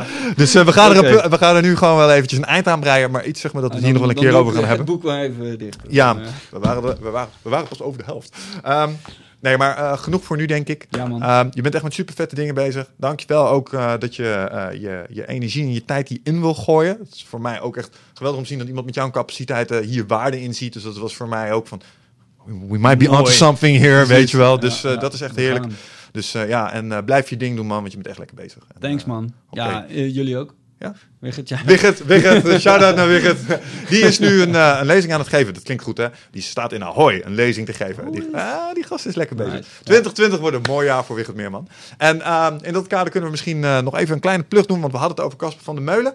Eh Wigert en Casper zijn ook bezig met een heel leuk initiatief. Avanti, gaan ze zaterdag met z'n tweeën een mooie Vet, podcast ja. over opnemen. Dus ook eh, zij zijn bezig met deze thema's en zijn ook met hele vette initiatieven bezig. Dus eh, ben je vanuit jezelf eh, daarmee bezig en wil je het net even over de ook iets spirituelere hoek gooien. Je kent Wigert zijn spiel wel een beetje. eh, check dat ook zeker even, want dat is meer dan de moeite waard. Ik heb eh, gezien waar ze mee bezig zijn. Dat wordt vette shit. Ja, dik shit. Ja. Alright. Luisteraars, bedankt. Tot de volgende. Bedankt. Ciao. Ciao.